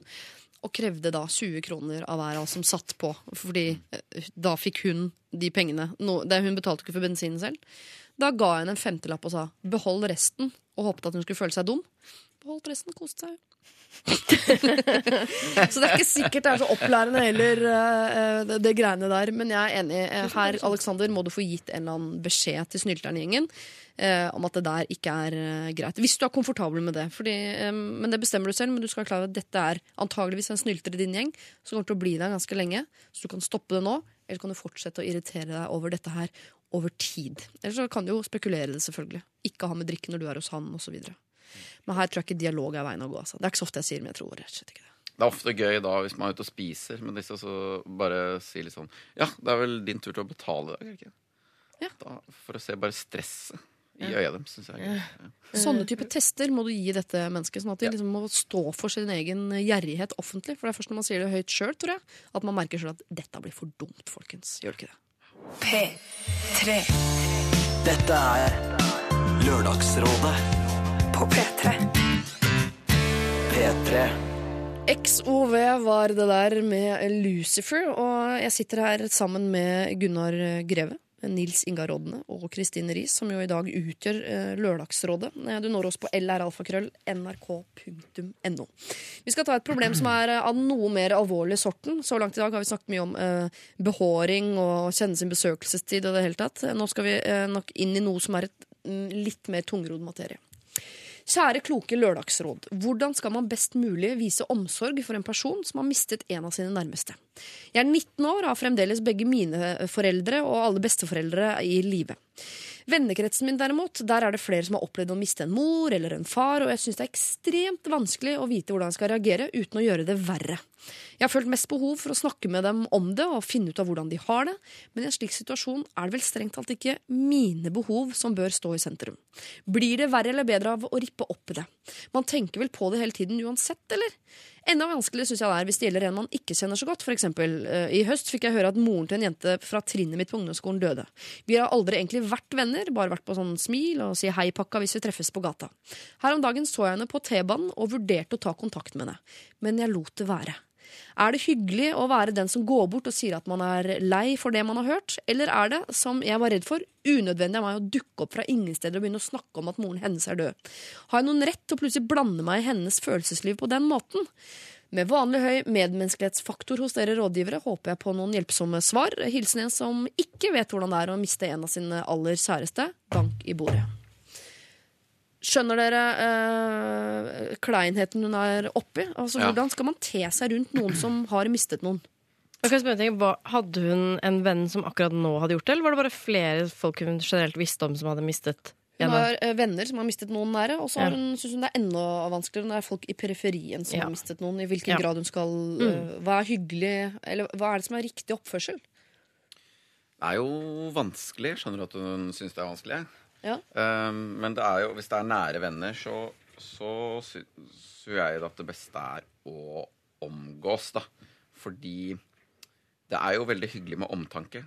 Så det å måte, møte de du er vant til å møte, og, og føle at de er fortsatt er eh, opptatt av deg, er glad i deg, det er jo viktig.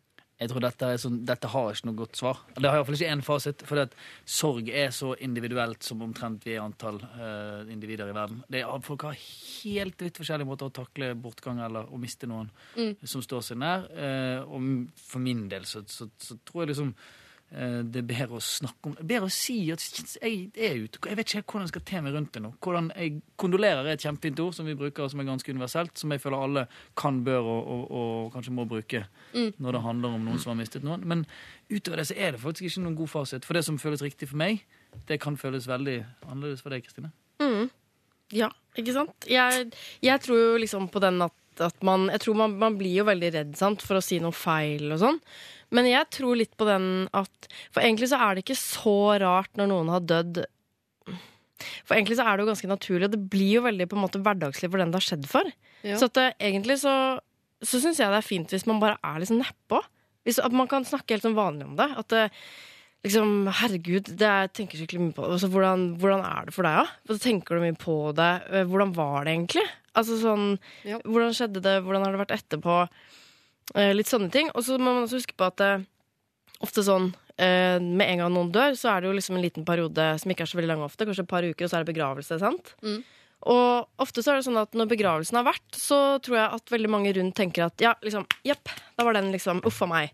Men det er ofte da det begynner, sant, for, for andre, eller for de som står nære som, den som har dødd, da. Um, og det er kanskje da liksom mange tanker kommer, og kanskje at man heller kan snakke litt, litt, litt vanlig om det. Men jeg mener at man behøver ikke snakke om det så poetisk eller sånn uh, veldig fintfølende eller veldig det er, det er ikke så kjem... Det er mye bedre å si noe, og kanskje si det litt feil, enn å uh, snakke på det på en plutselig helt sånn unaturlig måte. Man bør ikke snakke som liksom en, en psykolog for å kunne liksom prate med en kompis om det. da.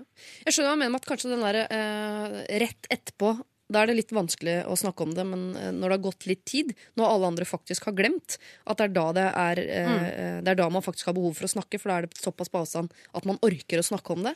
Men det som jo ofte skjer, da, som jeg kan kjenne meg igjen i, som også en som eh, i likhet med innsender aldri har opplevd noe sånn å, å miste noen nær meg, bare liksom opplevd at folk rundt meg har gjort det. Det som skjer med oss, er at vi faktisk, som er det slemmeste av alt, er jo at man fjerner seg helt fordi man syns Man blir på en måte konfliktsky. For Ja. man er så redd for hva man skal si, eller om si noe feil sånn. Ja. At man bare unngår vedkommende helt til man tenker nå har det gått så lang tid at nå er det vel greit å ikke si noe. Fordi eh, For meg å si kondolerer Jeg kan si kondolerer i en begravelse, men for meg å gå bort og si kondolerer til noen som har mista noen for en stund siden, av en eller annen grunn, Syns var jeg det er kjempevanskelig. Så jeg bare Jeg tror det kan være ekstremt mye mer sårende at noen ikke sier noe. Ja, jeg, Ja, det tror jeg òg. Akkurat denne kondolerer-rådet er jeg ganske klar på. Jeg tror det er liksom For det er, da har du iallfall sagt det. Og så, og så tror jeg det handler mye om å føle seg litt frem, og heller tørre å være ærlig på at man er usikker på hvordan man skal håndtere denne situasjonen, enn å gå inn og være Dr. Phil og liksom Ja, åh, nå skal jeg høre hvordan du har det. Og så OK, hvor godt kjenner vi hverandre? Hvor naturlig er dette? Hvor åpen er denne personen? For igjen, jeg tror det er utrolig individuelt fra person til person, og fra, fra holdt jeg på å si, bortgang til bortgang. Det handler, jeg tenker at historia handler om å få vist på en eller annen skånsom måte at man er tilgjengelig for vedkommende. I hvert fall hvis det er nær venn.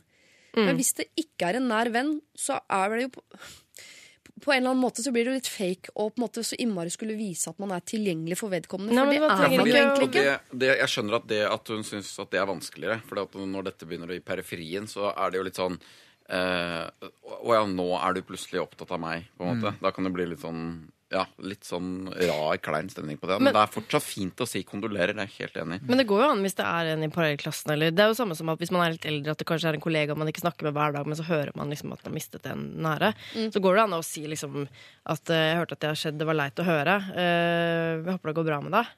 Eller hvordan går det med deg? Ja. Altså, det, Det, er det det. høres veldig enkelt ut Ja, men det er ganske enkelt. Ja, men hvorfor er det så mange som syns det er vanskelig, da? Fordi man er veldig redd for å si noe feil, og så er man kanskje redd for at den personen det har skjedd med, ikke vil, vil avvise en da, i en sånn prat. Ja. Men det tror jeg folk veldig sjelden gjør. Altså, sånn, fordi man er jo klar over det at det kan være kleint for andre òg. Så at det, vil, det, vil, det tror jeg vil gå veldig bra. Ja, for det var litt, uh, som jeg sa, det er jo litt med det med omtanke. da Er jo ofte hyggelig, liksom. Uh, uansett. Det skal ikke så veldig mye til. da Du sier liksom, som du sier, kondolerer og Det var leit, liksom. Så Jeg tror liksom I Holder ni av ti tilfeller så tror jeg det er bedre å, å si det enn å ikke si det. ja. Ja, man liksom, Fy faen, han kom bort og spurte hvordan det gikk med meg. For en dust. Altså, det, det skjer jo ikke. Nei, det skjer Så det, man, man uh, Men det er vel mer at hun er redd for å rippe opp i noe som strengt talt ikke er nødvendig å rippe opp det i. For jeg ikke. tenker øh, hvis I årevis etter at man opplevde noe grusomt, så skal hvermannsen komme bort og liksom minne deg på det. Så Men årevis er jo klart at det er grenser. Og jeg vet ikke om vi skal på en måte sette det sånn, sånn ideal. Ja, det er jo unødvendig. Det er jo unødvendig, men, men, men i de månedene og i det egentlig hele det første året etter man mister noe nær seg, Mm. så er det på en måte, tror jeg, eh, noe man eh, bør gjøre i ni av ti tilfeller. For det, at det er bedre å si det enn å ikke si det. Ja. Og så jeg synes det er veldig fint av eh, deg som sender inn at du skriver at uh, det er vel ikke mine behov som står i sentrum her. Og det er en veldig fin tanke, men da skal man jo følge den hele veien også. fordi hvis det er som du sier, Kristin, at man tør ikke å spørre eller si eh, 'hei, jeg hørte eh, du mistet den og den, så trist å høre', og så er man redd for å bli avvist i, den den praten. Da handler det plutselig om deg allikevel. Da. Du, da hvis du vil si det og være hyggelig, så må du tåle at den du sier det til, ikke har lyst til å snakke noe mer med deg om det. Fordi, som du sier selv, det handler jo faktisk ikke om deg. Nei, men det kan jo være litt skummelt allikevel. Man kan jo gjøre det selv om det er skummelt. Man kan jo tåle det. Det, er Eller riske det, liksom. det handler ikke om det. Det er skummelt. Altså, bare Ja. gjør det. For det Ja. handler jo om den andre mennesket og hva de å tenke har uansett. behov for. Mm. Ja. Hva satte vi her som en slags uh, I den grad man kan lage en uh, regel. Altså Hvis det er eh, noen nære, eller om de er fjerne, så handler det vel om å eh, på en eller annen måte si at man er til stede. Si noe. Det er alltid bedre å si noe enn å ikke si noe. Det er bedre å si noe feil enn å ikke si noe. Eh, så si om du vil bruke ordet kondolerer, som er et eh, bra ord, eller om man vil si 'jeg hørte hva som skjedde, det var trist å høre'.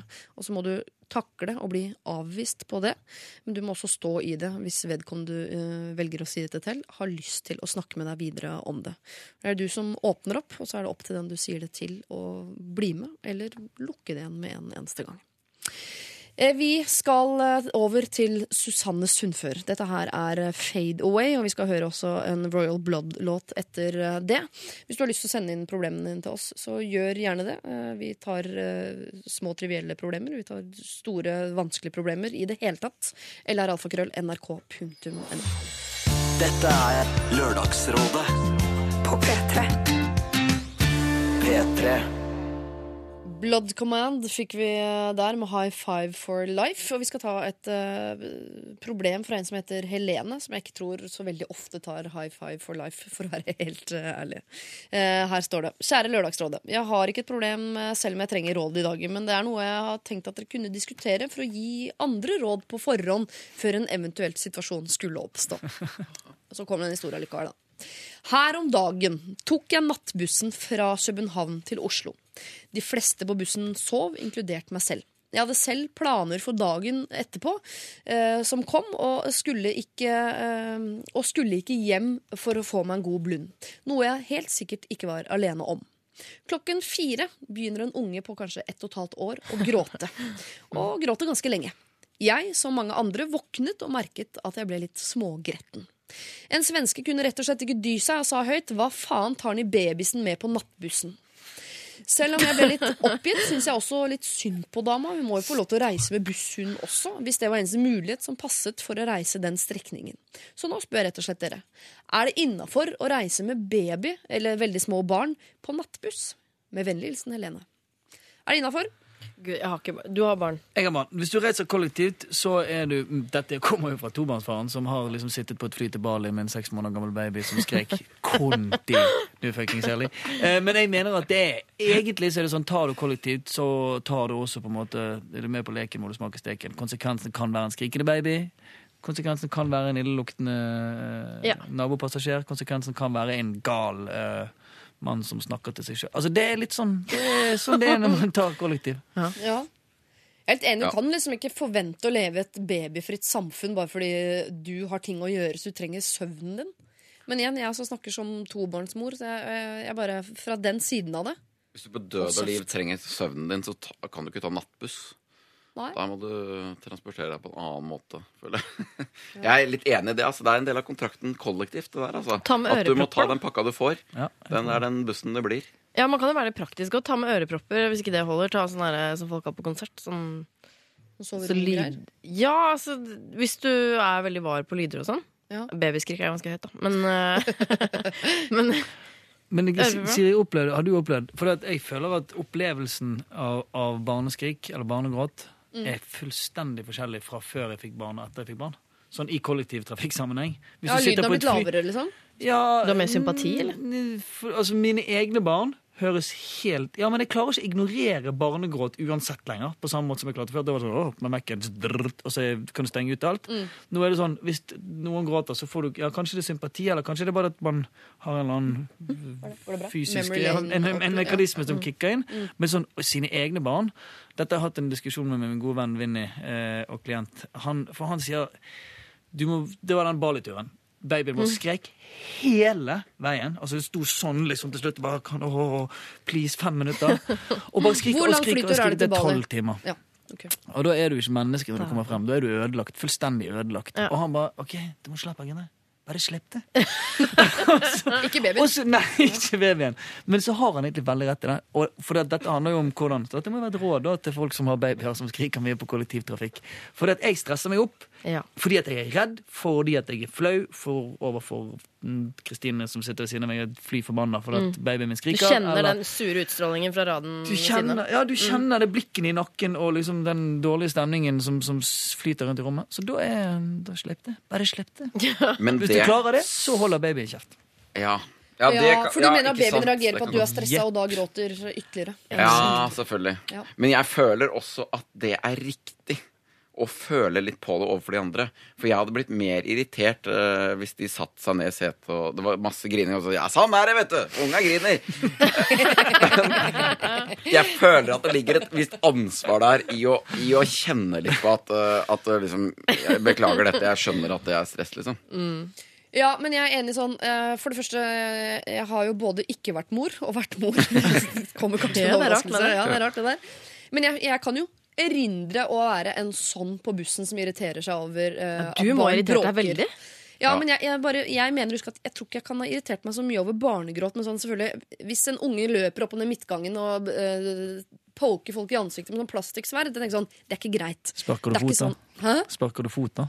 Er det sånn tar, ja, på Spennebein? ja. Nei, men jeg har faktisk sagt ifra en gang til foreldrene. Sånn, nå. For da var det en liten unge som satt med noe sånn høy lyd på mobilen og sjekka ut ringetonene til mor. Klokka fem en fredag i rushen. Og da sa vi sånn Nå må dere holde opp med det der, for nå, nå, nå klikker det. Hvordan reagerte foreldrene? Nei, det virker som de For jeg tror man blir immun mot bråk som foreldre. Ja. Så det er, man trenger egentlig at noen sier fra eh, om at det greiene der, det bråker faktisk. For da tror jeg mange foreldre tenker sånn å ja, gjør du det? Sorry, jeg har bare blokka ut. Jeg har slutta å høre barnet mitt for mange år- siden. Så det, det syns jeg er greit å si fra om. Så sånn poking med sverd og testing av lyder og sånn, da må man være litt sånn Vet du hva, sorry, men alle er om bord, og alle må ta hensyn. Men gråt Det er et barn som prøver å si fra om noe. Det er ikke, du kan ikke med fornuft si til en baby sånn nå må du være stille, for nå irriterer du Kristine på rad tre. Sorry at du har blitt eh, den sure sånn, rad tre-dama. er kjempeirritert. Som bare Jeg skal noen single som skal på ferie alene. Men Ja. det, det går ikke. Og så skal man være klar over at eh, mor, som står med etter barnet også, sender på at dette her Ja, for er det så det. kleint. Det er det verste, altså. Jeg har fått veldig sympati. Jeg skulle- skulle fly eh, eh, Da jeg bodde i Stockholm, så hadde jeg en venninne som hadde med en liten baby som skulle komme på besøk til meg. Og så var jeg i Oslo, vi skulle fly sammen til Stockholm. Og da, så, og da var hun så redd for at eh, han skulle liksom gråte, og han gråt lite grann da. Og den panikken hun liksom fikk da Å, herregud, herregud. Jeg må si sånn, det går bra, det er ikke noe farlig, liksom. Folk blir ikke så sure. Men da fikk jeg et litt sånn innblikk i det indre stresset man da har som foreldre for omgivelsene. Ja, ja. Og da tenker jeg at ja, men da skal man ikke bli så irritert. Men jeg er helt enig med deg, Nils, at det kommer jo litt an på hva, hva slags attitude foreldrene har.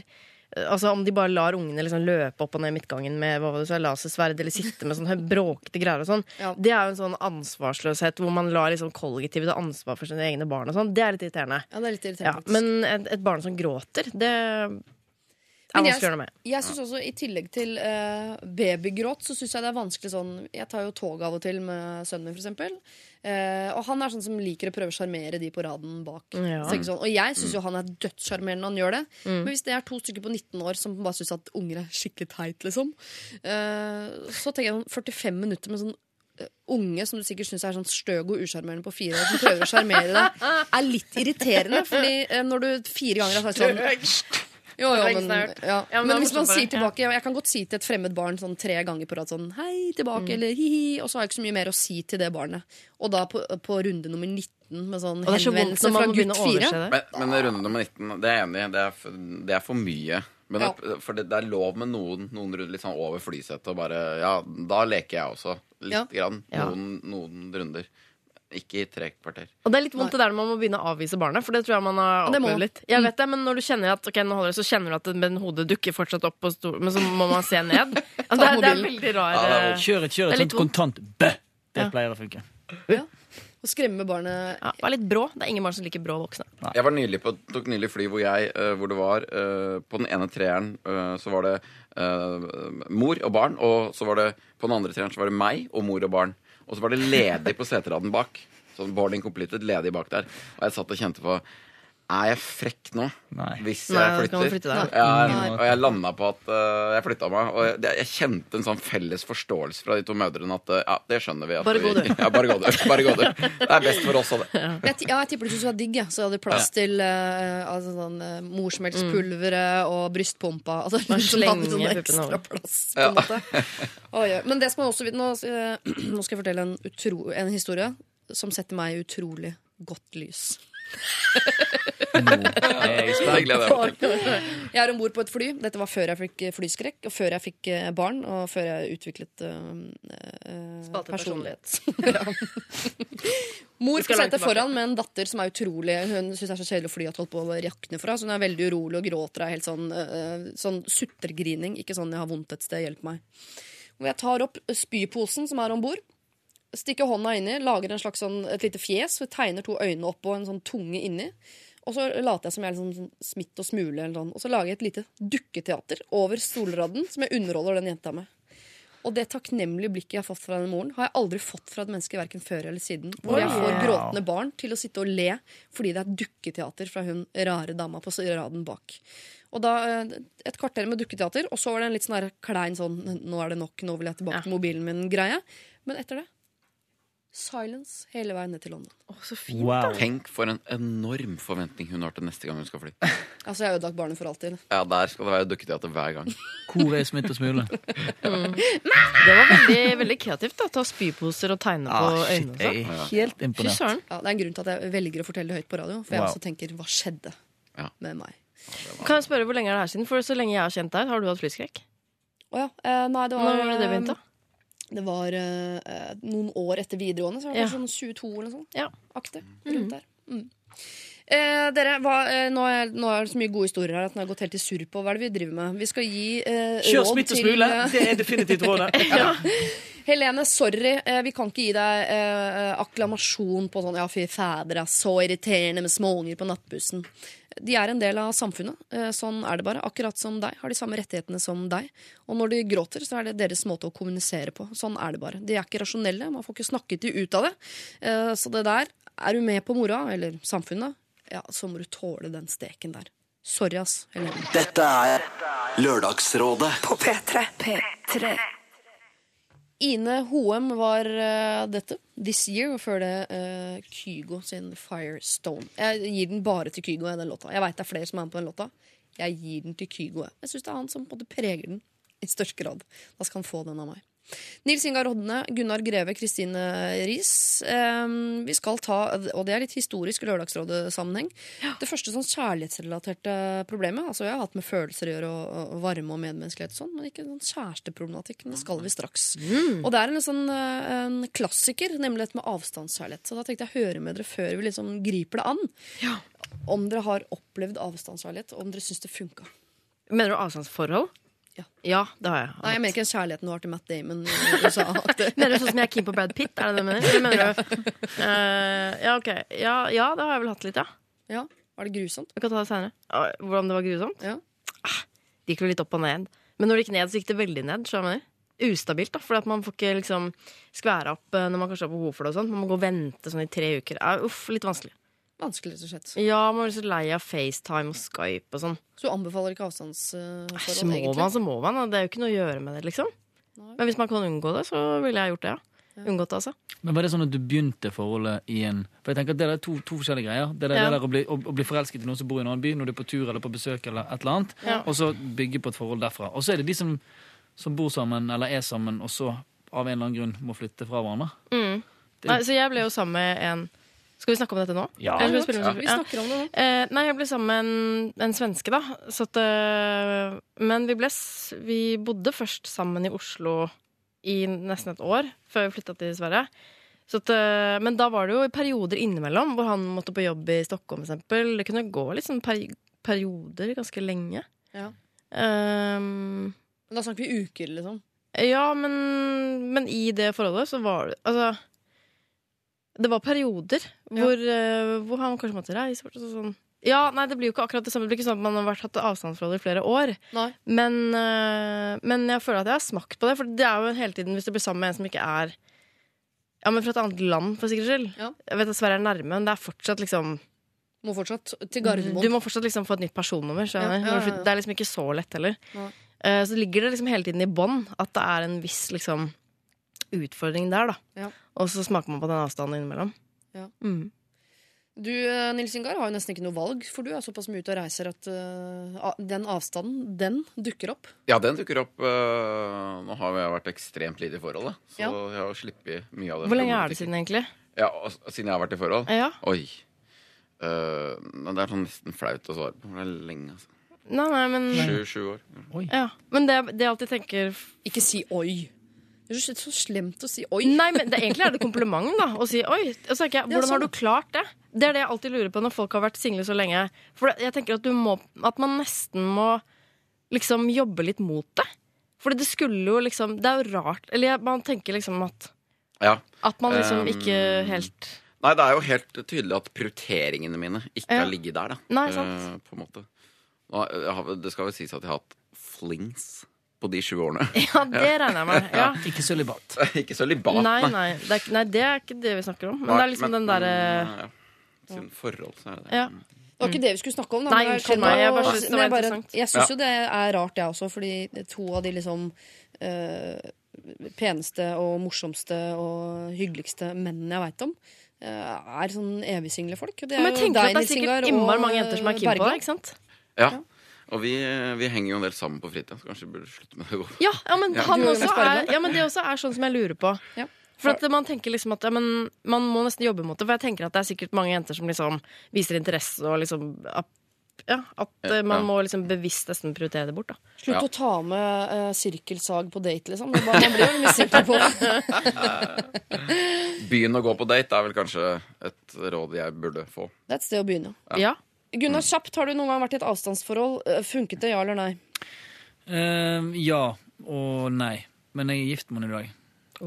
Hva da? Ble det slutt? Nei, men Det begynte med at jeg bodde i Bergen og hun bodde i Oslo. Ja. Også, og min jobb er jo fortsatt i dag. Inneholder masse reising, selv om jeg har to barn og en, en lykkelig gift til min kone. Men så, så Først bodde jeg i Bergen, og så bodde hun i Oslo. Og så var hun egentlig akkurat kommet hjem fra Australia og fortalte meg egentlig hele tiden bare hvor kort tid det var at hun skulle stikke tilbake til Australia. Ja. Så bare du må ikke forvente eller tro at du får noe her. Nei. Men jeg ga meg ikke. Dumpet meg tre ganger. Er det sant? året. Ja. Oh, Men jeg Gud. eh, gir meg Stayer. sjelden. Ja. Du skulle ha hun, du. Ja, Ja. det hadde bestemt meg da, tror jeg. Og så flyttet jeg til Oslo. Så kjøpte vi leilighet. Resten er historie. Hvor Flyttet du til Oslo uh, Var du sammen når du flyttet til Oslo? Eller tenkte du da flytta dit, og så prøver jeg en gang til? vi traff hverandre i mai. Mai 2009, kan det være det? Ja. Og så um, ble vi ganske sånn i løpet av sommeren eh, et, et item på Kvartfestival. Den har de prøvd å gjenopplive Kvartfestivalen Vi klinte første gang på B&B sin konsert på Kvart. Så vet dere det! Ja, ja, ja. Og så var vi sammen den høsten, men ble da dumpet med liksom regelmessig med jevne, mellomrom ut året. Ja. Og siste gang tror jeg på en måte jeg klarte å hale det helt i land. Det var etter Tommy T. Vi hadde en svær konsert på Sentrum Scene, som jeg var for øvrig produsent for. Og så, så klarte jeg på en måte å ja, få tøyet for godt. Og så kjøpte vi det litt i februar. Bra gjort, da. Men tok, brukte du litt Takk tid da på å stole på at du ikke skulle bli dumpa igjen? Eller Jeg går er konstant fortsatt at er litt ganske- nervøs? Ganske, lurer på om det ligger sånn lapp hjemme når jeg kommer hjem hver kveld. Jeg. Du fridde jo Er ganske fort. er ganske kjapt. Ute med ringen, bare for å få sånn, i hvert fall gjennom noen juridiske greier. Ja. Det tar i hvert fall et år. Skal i hvert fall få- få signa noen papirer her. Ah, gøy, gøy, gøy. Eh, vi skal hjelpe en som er forvirra, 23 år, og som potensielt står overfor et avstandsforhold. Og Da er det jo bare å, å dra med seg de erfaringene dere har, de fordommene dere har, og prøve å gi så gode råd som uh, mulig til denne forvirra 23-åringen. Eh, men først så skal vi høre uh, 50 Cent, faktisk. Hate it or love it.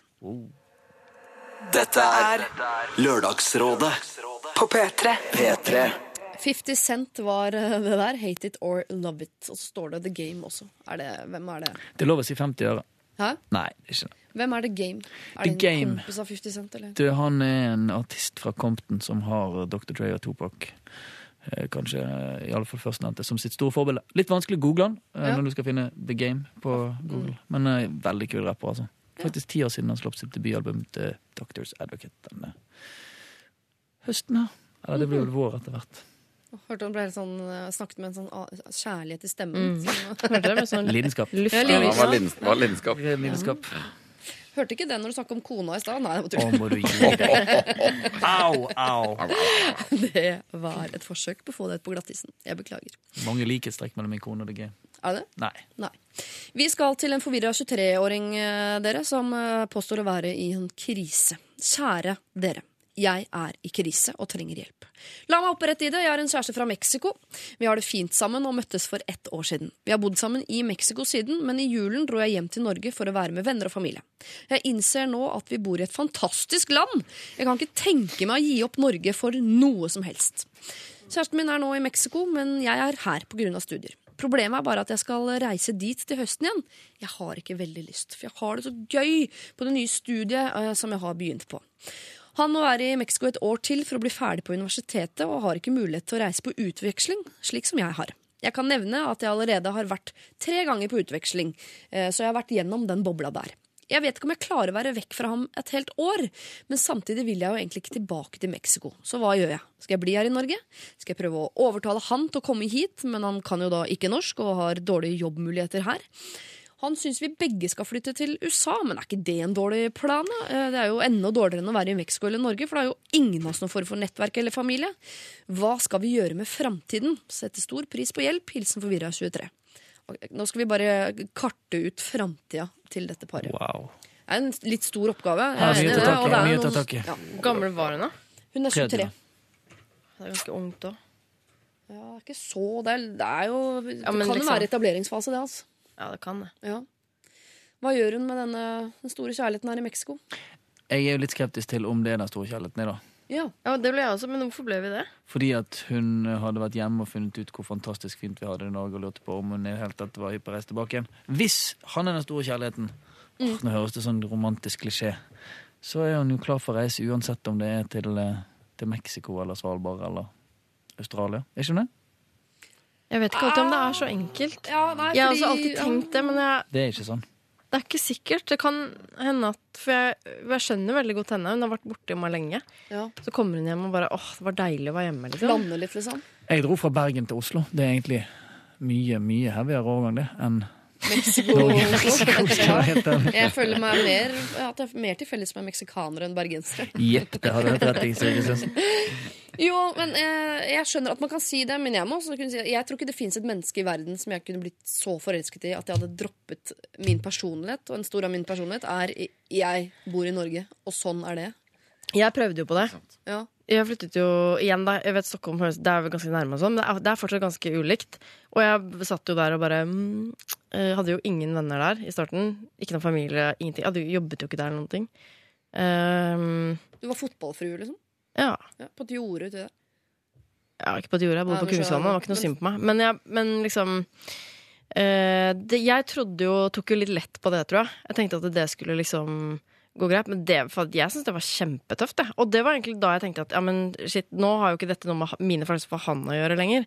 Dette er jo bare at jeg mister jo meg selv helt her, og det er jo ikke verdt å gjøre for noen. Nei. Så at, øh, det kan være rett og slett veldig vanskelig, bare. Så det taler jo mot egentlig at han skal komme hit. Det er jo sånn sett er det lettere at hun reiser til Mexico, for hun har jo allerede vært der, så hun har vel en viss form for nettverk og venner og noe der nede. Ja. Jeg tror det er veldig viktig å ha noe å gjøre hvis man skal være der. Ja. Uh, og nå er jeg kanskje ikke så sikker på om det her er noe man burde satse helt sånn 1000% på når man er 23 år gammel, men det kan, det kan hende at det er det. Det vet ikke jeg, men i hvert fall så tror jeg man skal få være beredt på at det kan ta ganske lang tid og sånn. Å komme inn i ting. Er alle sånn jeg, jeg er ikke blant de som tror at det er sånn én. Det er én der ute som er for Nei. meg. Nei. Det Det er er jeg sånn, veldig enig jeg tror det kan være veldig mange i Ja. veldig mange gitte situasjoner med rett timing og rett Ja. sted. og alt det der. Ja. Eh, og, og kanskje man skal innse at ok, det er et fuckings verdenshav, for ikke å si nesten halvannet verdenshav mellom oss, som, som gjør denne her greien vanskelig. Det er veldig vanskelig. Ja. Hun er tre år, 23 år gammel, hun har vært tre ganger på utveksling. Det er usikker og, og på en måte litt sånn ikke helt bestemt seg for hvor hun skal, og hva hun vil, og hvor tid og når. Da er det egentlig ikke tiden for å Hvis du er hypp på liksom Frøken, bestemme deg og committe og slå deg til ro med, med han nå, så er det greit, men da tror jeg du hadde kjent på det. Jeg tror ikke du hadde vært i denne situasjonen og hatt de dilemmaene du har nå. Så da er det vel egentlig mer å slipp, gi slipp på han. Ja, jeg får også litt den, eh, den følelsen. Så jeg tenkte også det samme som dere, at det er noe Hun har ikke lyst til å dra tilbake, og det er litt Ja.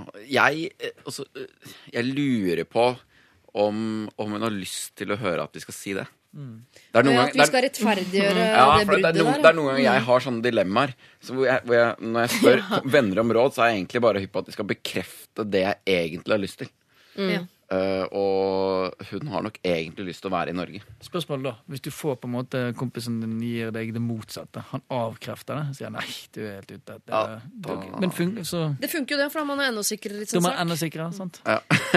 Det det handler om, er jo å ta et valg, og det klarer ikke hun å ta. Så vil hun at vi skal ta det valget. Ikke for at hun skal følge det, men for at hun skal kjenne på om det er riktig eller ikke. Det kan vi jo ikke gjøre. Ja, jo, kanskje vi bare skal gjøre det. Altså Si sånn, du blir i Norge. Og så vil jo hun i andre enden her sitte og tenke sånn Nei, for min store kjærlighet er i Mexico. Hva er det dere tuller med? Ja, men, fordi det, men det er jo uh, litt som du sier også, hun skal ikke miste personligheten sin. Og hvis hun nå har kommet hit og bare kjenner, som jeg lukter litt at hun gjør, at det, oi, nå er jeg hjemme, liksom. Dette er hjemme. Her uh, har jeg lyst til å være.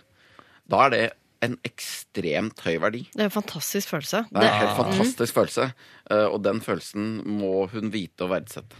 Men da tenker jeg at da bør hun velge Norge, og så får hun se om kjærligheten er sterk nok til å overleve den avstanden det året. Et år går fort med å studere hver sine ting, Absolutt. og hvis dere om et år savner hverandre så mye at det er helt galskap, Ja. ja. så kommer dere til å finne ut av det da. Men per nå så tenker jeg sånn, velg Norge, velg avstanden, sjekk om kjærligheten er sterk nok til å takle det. Absolutt, og det er en kjempegod test, for da vet man jo at øh, Eller da, da er det jo noe der. Hvis man etter et år finner at nei, dette går ikke, vi må bo sammen. Ja, Og Det- da kan du flytte til USA, eller hvor hvor det måtte være. Plutselig kan det være det står en solbrun meksikaner på Oslo S på perrongen på Flytoget med altfor tynn boblejakke og sier 'mi amore', og så er det Med kassegitar og en sånn med kaffekopp. kassegitar. Jepp.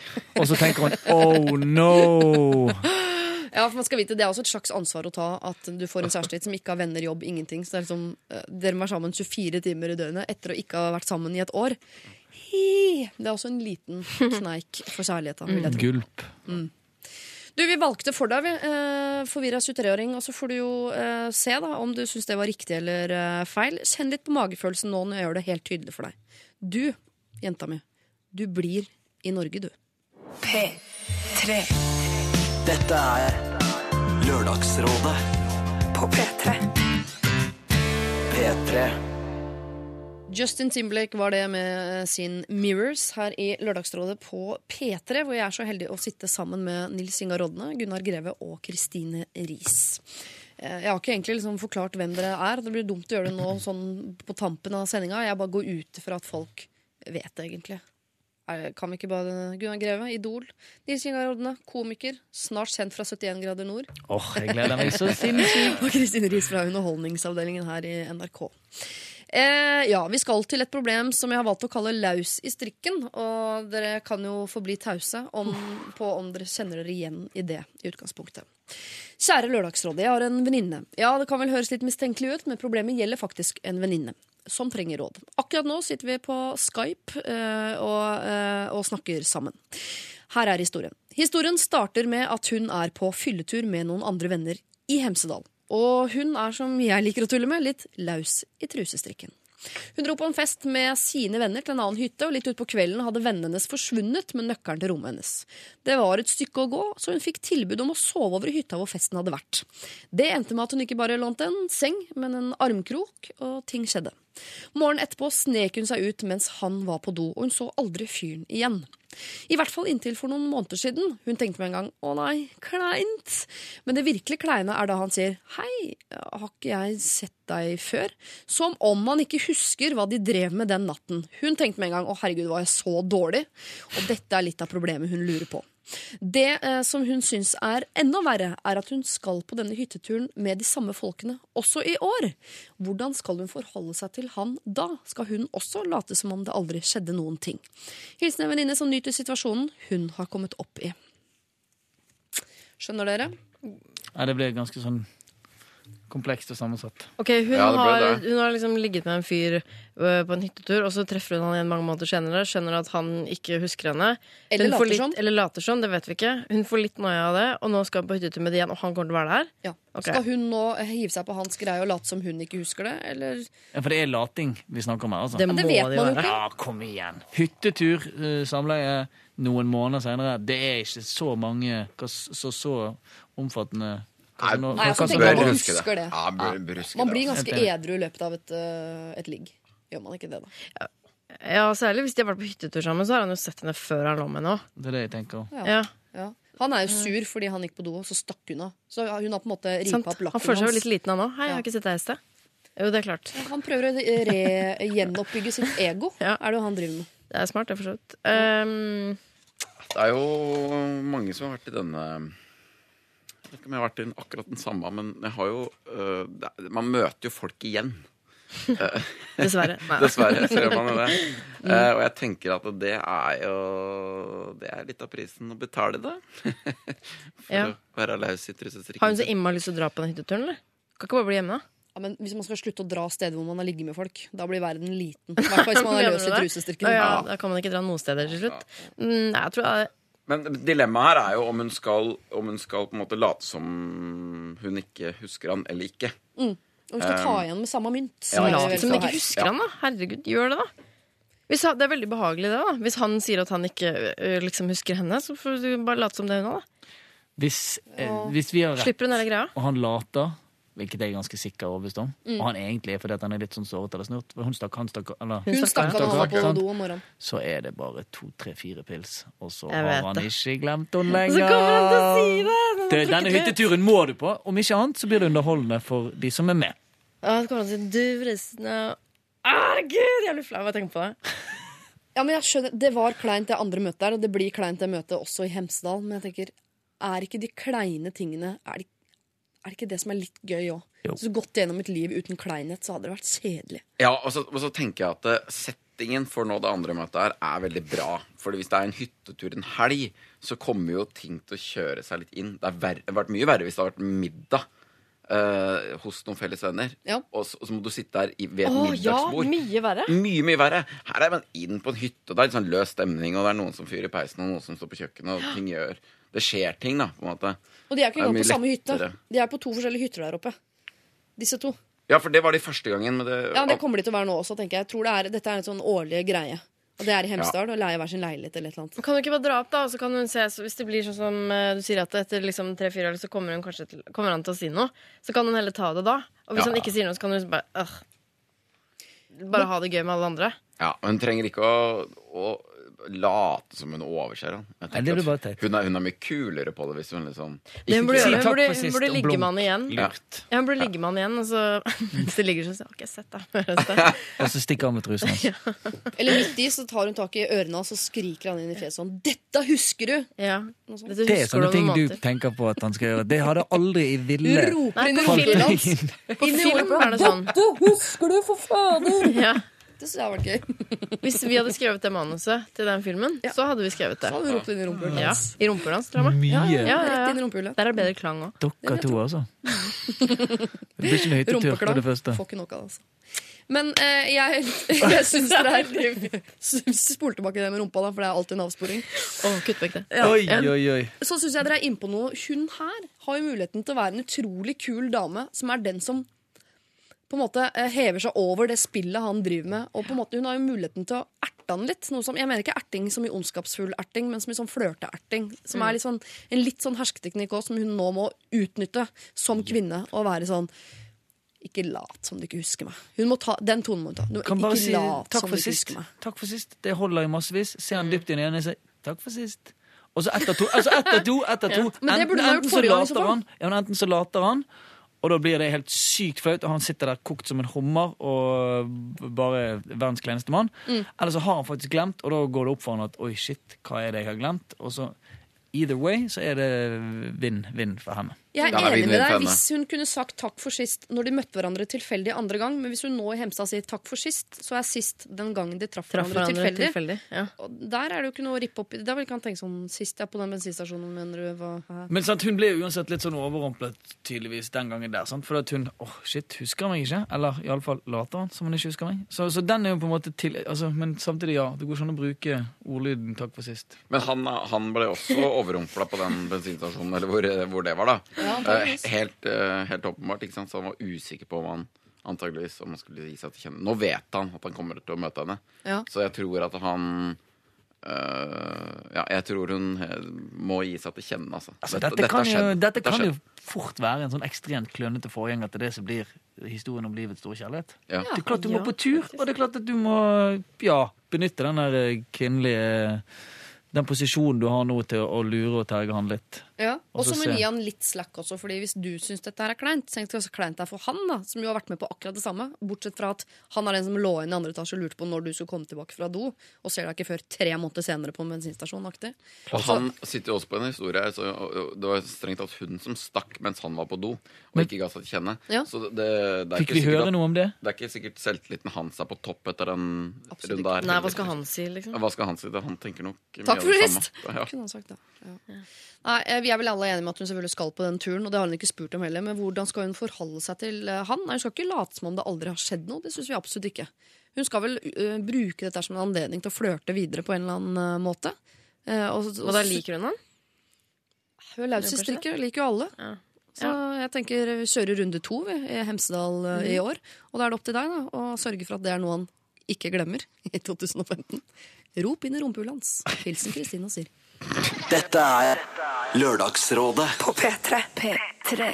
Vi har eh, hørt en av mine eh, topp tre favoritter om dagen. Yellow Wolf, Till It's eh, Gone. Jeg, jeg, jeg får ikke nok av den låta. Gå på loop, den, og faktisk neste låt vi skal høre, High As A Kite.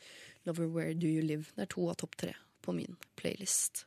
Eh, vi har også hørt Calvin Harris og Haim. Ikke, ikke til forkleinelse for dere, altså. Jeg liker uh, Pray to God eh, også, jeg. Men den er ikke på topp tre. Det må jeg få lov å si. Kristine Riis, Gunnar Greve og uh, Nils Ingar Odne. Nå er deres tid som rådgiver for i dag snart over. Eh, men det er helt sikkert ikke lenge til neste gang dere kommer til å være det. Men før jeg slipper dere, så skal dere dele ut et krus. Et eh, Lørdagsrådet-krus. Eh, et fint krus. Eh, det er ikke mulig å bli varm på fingra med det kruset, f.eks. Det har sine egenskaper. Hvem som har muligheten til å få dette kruset, det er jo da dagens innsendere. Jeg skal gå kjapt gjennom hvem de er. Du har da egentlig et par som henvender seg fordi de har en kompis som ikke kjenner sin besøkelsestid. Han besøker de fem-seks ganger i uka. Spiser maten deres, sover over, sier ikke takk for seg, ingenting. Altså Han virkelig helt, litt sånn ute på det sosiale. Så har vi en behåret kvinne som eh, valgte å spare til uh, Spare til langt hår nedentil. Grusomt hund. eh, Og det satte ikke mannen så pris på. Der føyk bokseren fort opp igjen, uh, og han sa 'det der tenner ikke jeg på'. Eh, vi har eh, en som lurer på om eh, Er det ikke sånn at den vinen og spriten som står igjen etter en fest, tilhører vertskapet? Blir litt usikker når en kompis ringer og sier 'ta den med på skolen neste gang jeg vil ha den'.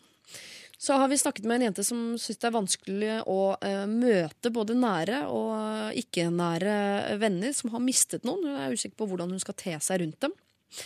Så har vi Helen, da, som lurte på hva vi tenkte om dette med å ha med seg småbarn om bord på en nattbuss, eh, som jo da eh, skriker og vekker de andre som egentlig har lyst til å sove.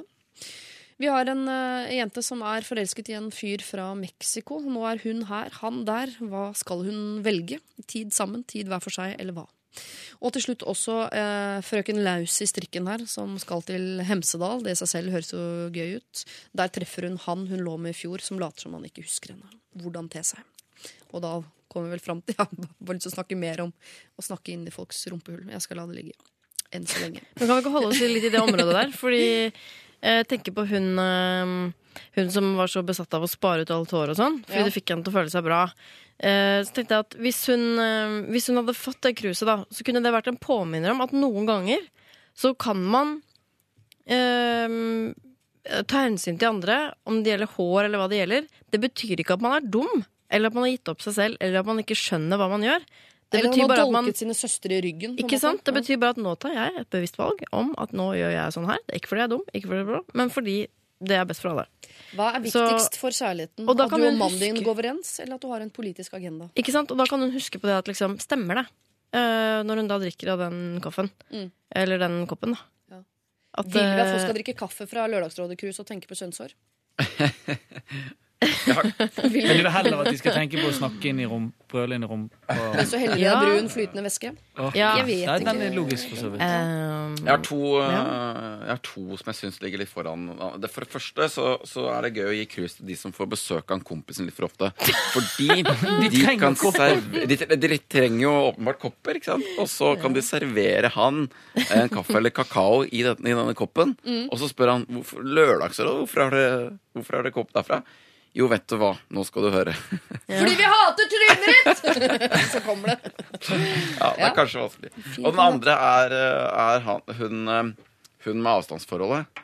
Ja. Syns jeg trenger denne For hun skal jo flytte til Norge, så hun trenger jo litt eh, bestikk og ting. Og så, Der syns jeg vi var For å fremheve Der var vi klarest. Der, der ga vi et klart råd. Så hun kan tenke på det at ja, det var rådet fra eh, Lørdagsrådet. Og huske at det var det rådet vi ga, og så kan du gjøre seg opp noen mening om et halvt år eller om et år. Hvordan var dette igjen? Ja, jeg føler den. Kanskje sende bare en, sånn, en, en kopp med en lopp, lapp nedi ned til Mexico. Med det klare rådet.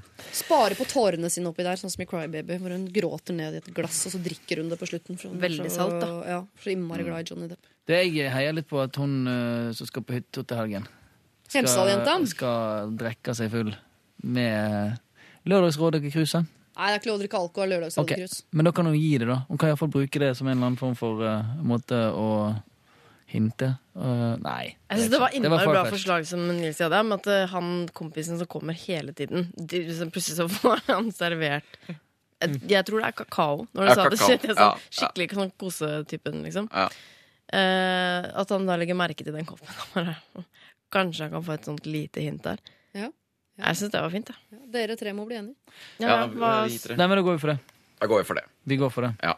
Der ga du det lett, ass. Ja, jeg gjorde det. Jeg hadde egentlig tenkt å la meg inspirere av uh, Nils' kommende show og nominere en til meg sjøl. Være litt ego, men Vet du hva, Gunnar? kan jeg Du skal få en kopp. Takk skal du ha. Jeg pleier å si nei, ja.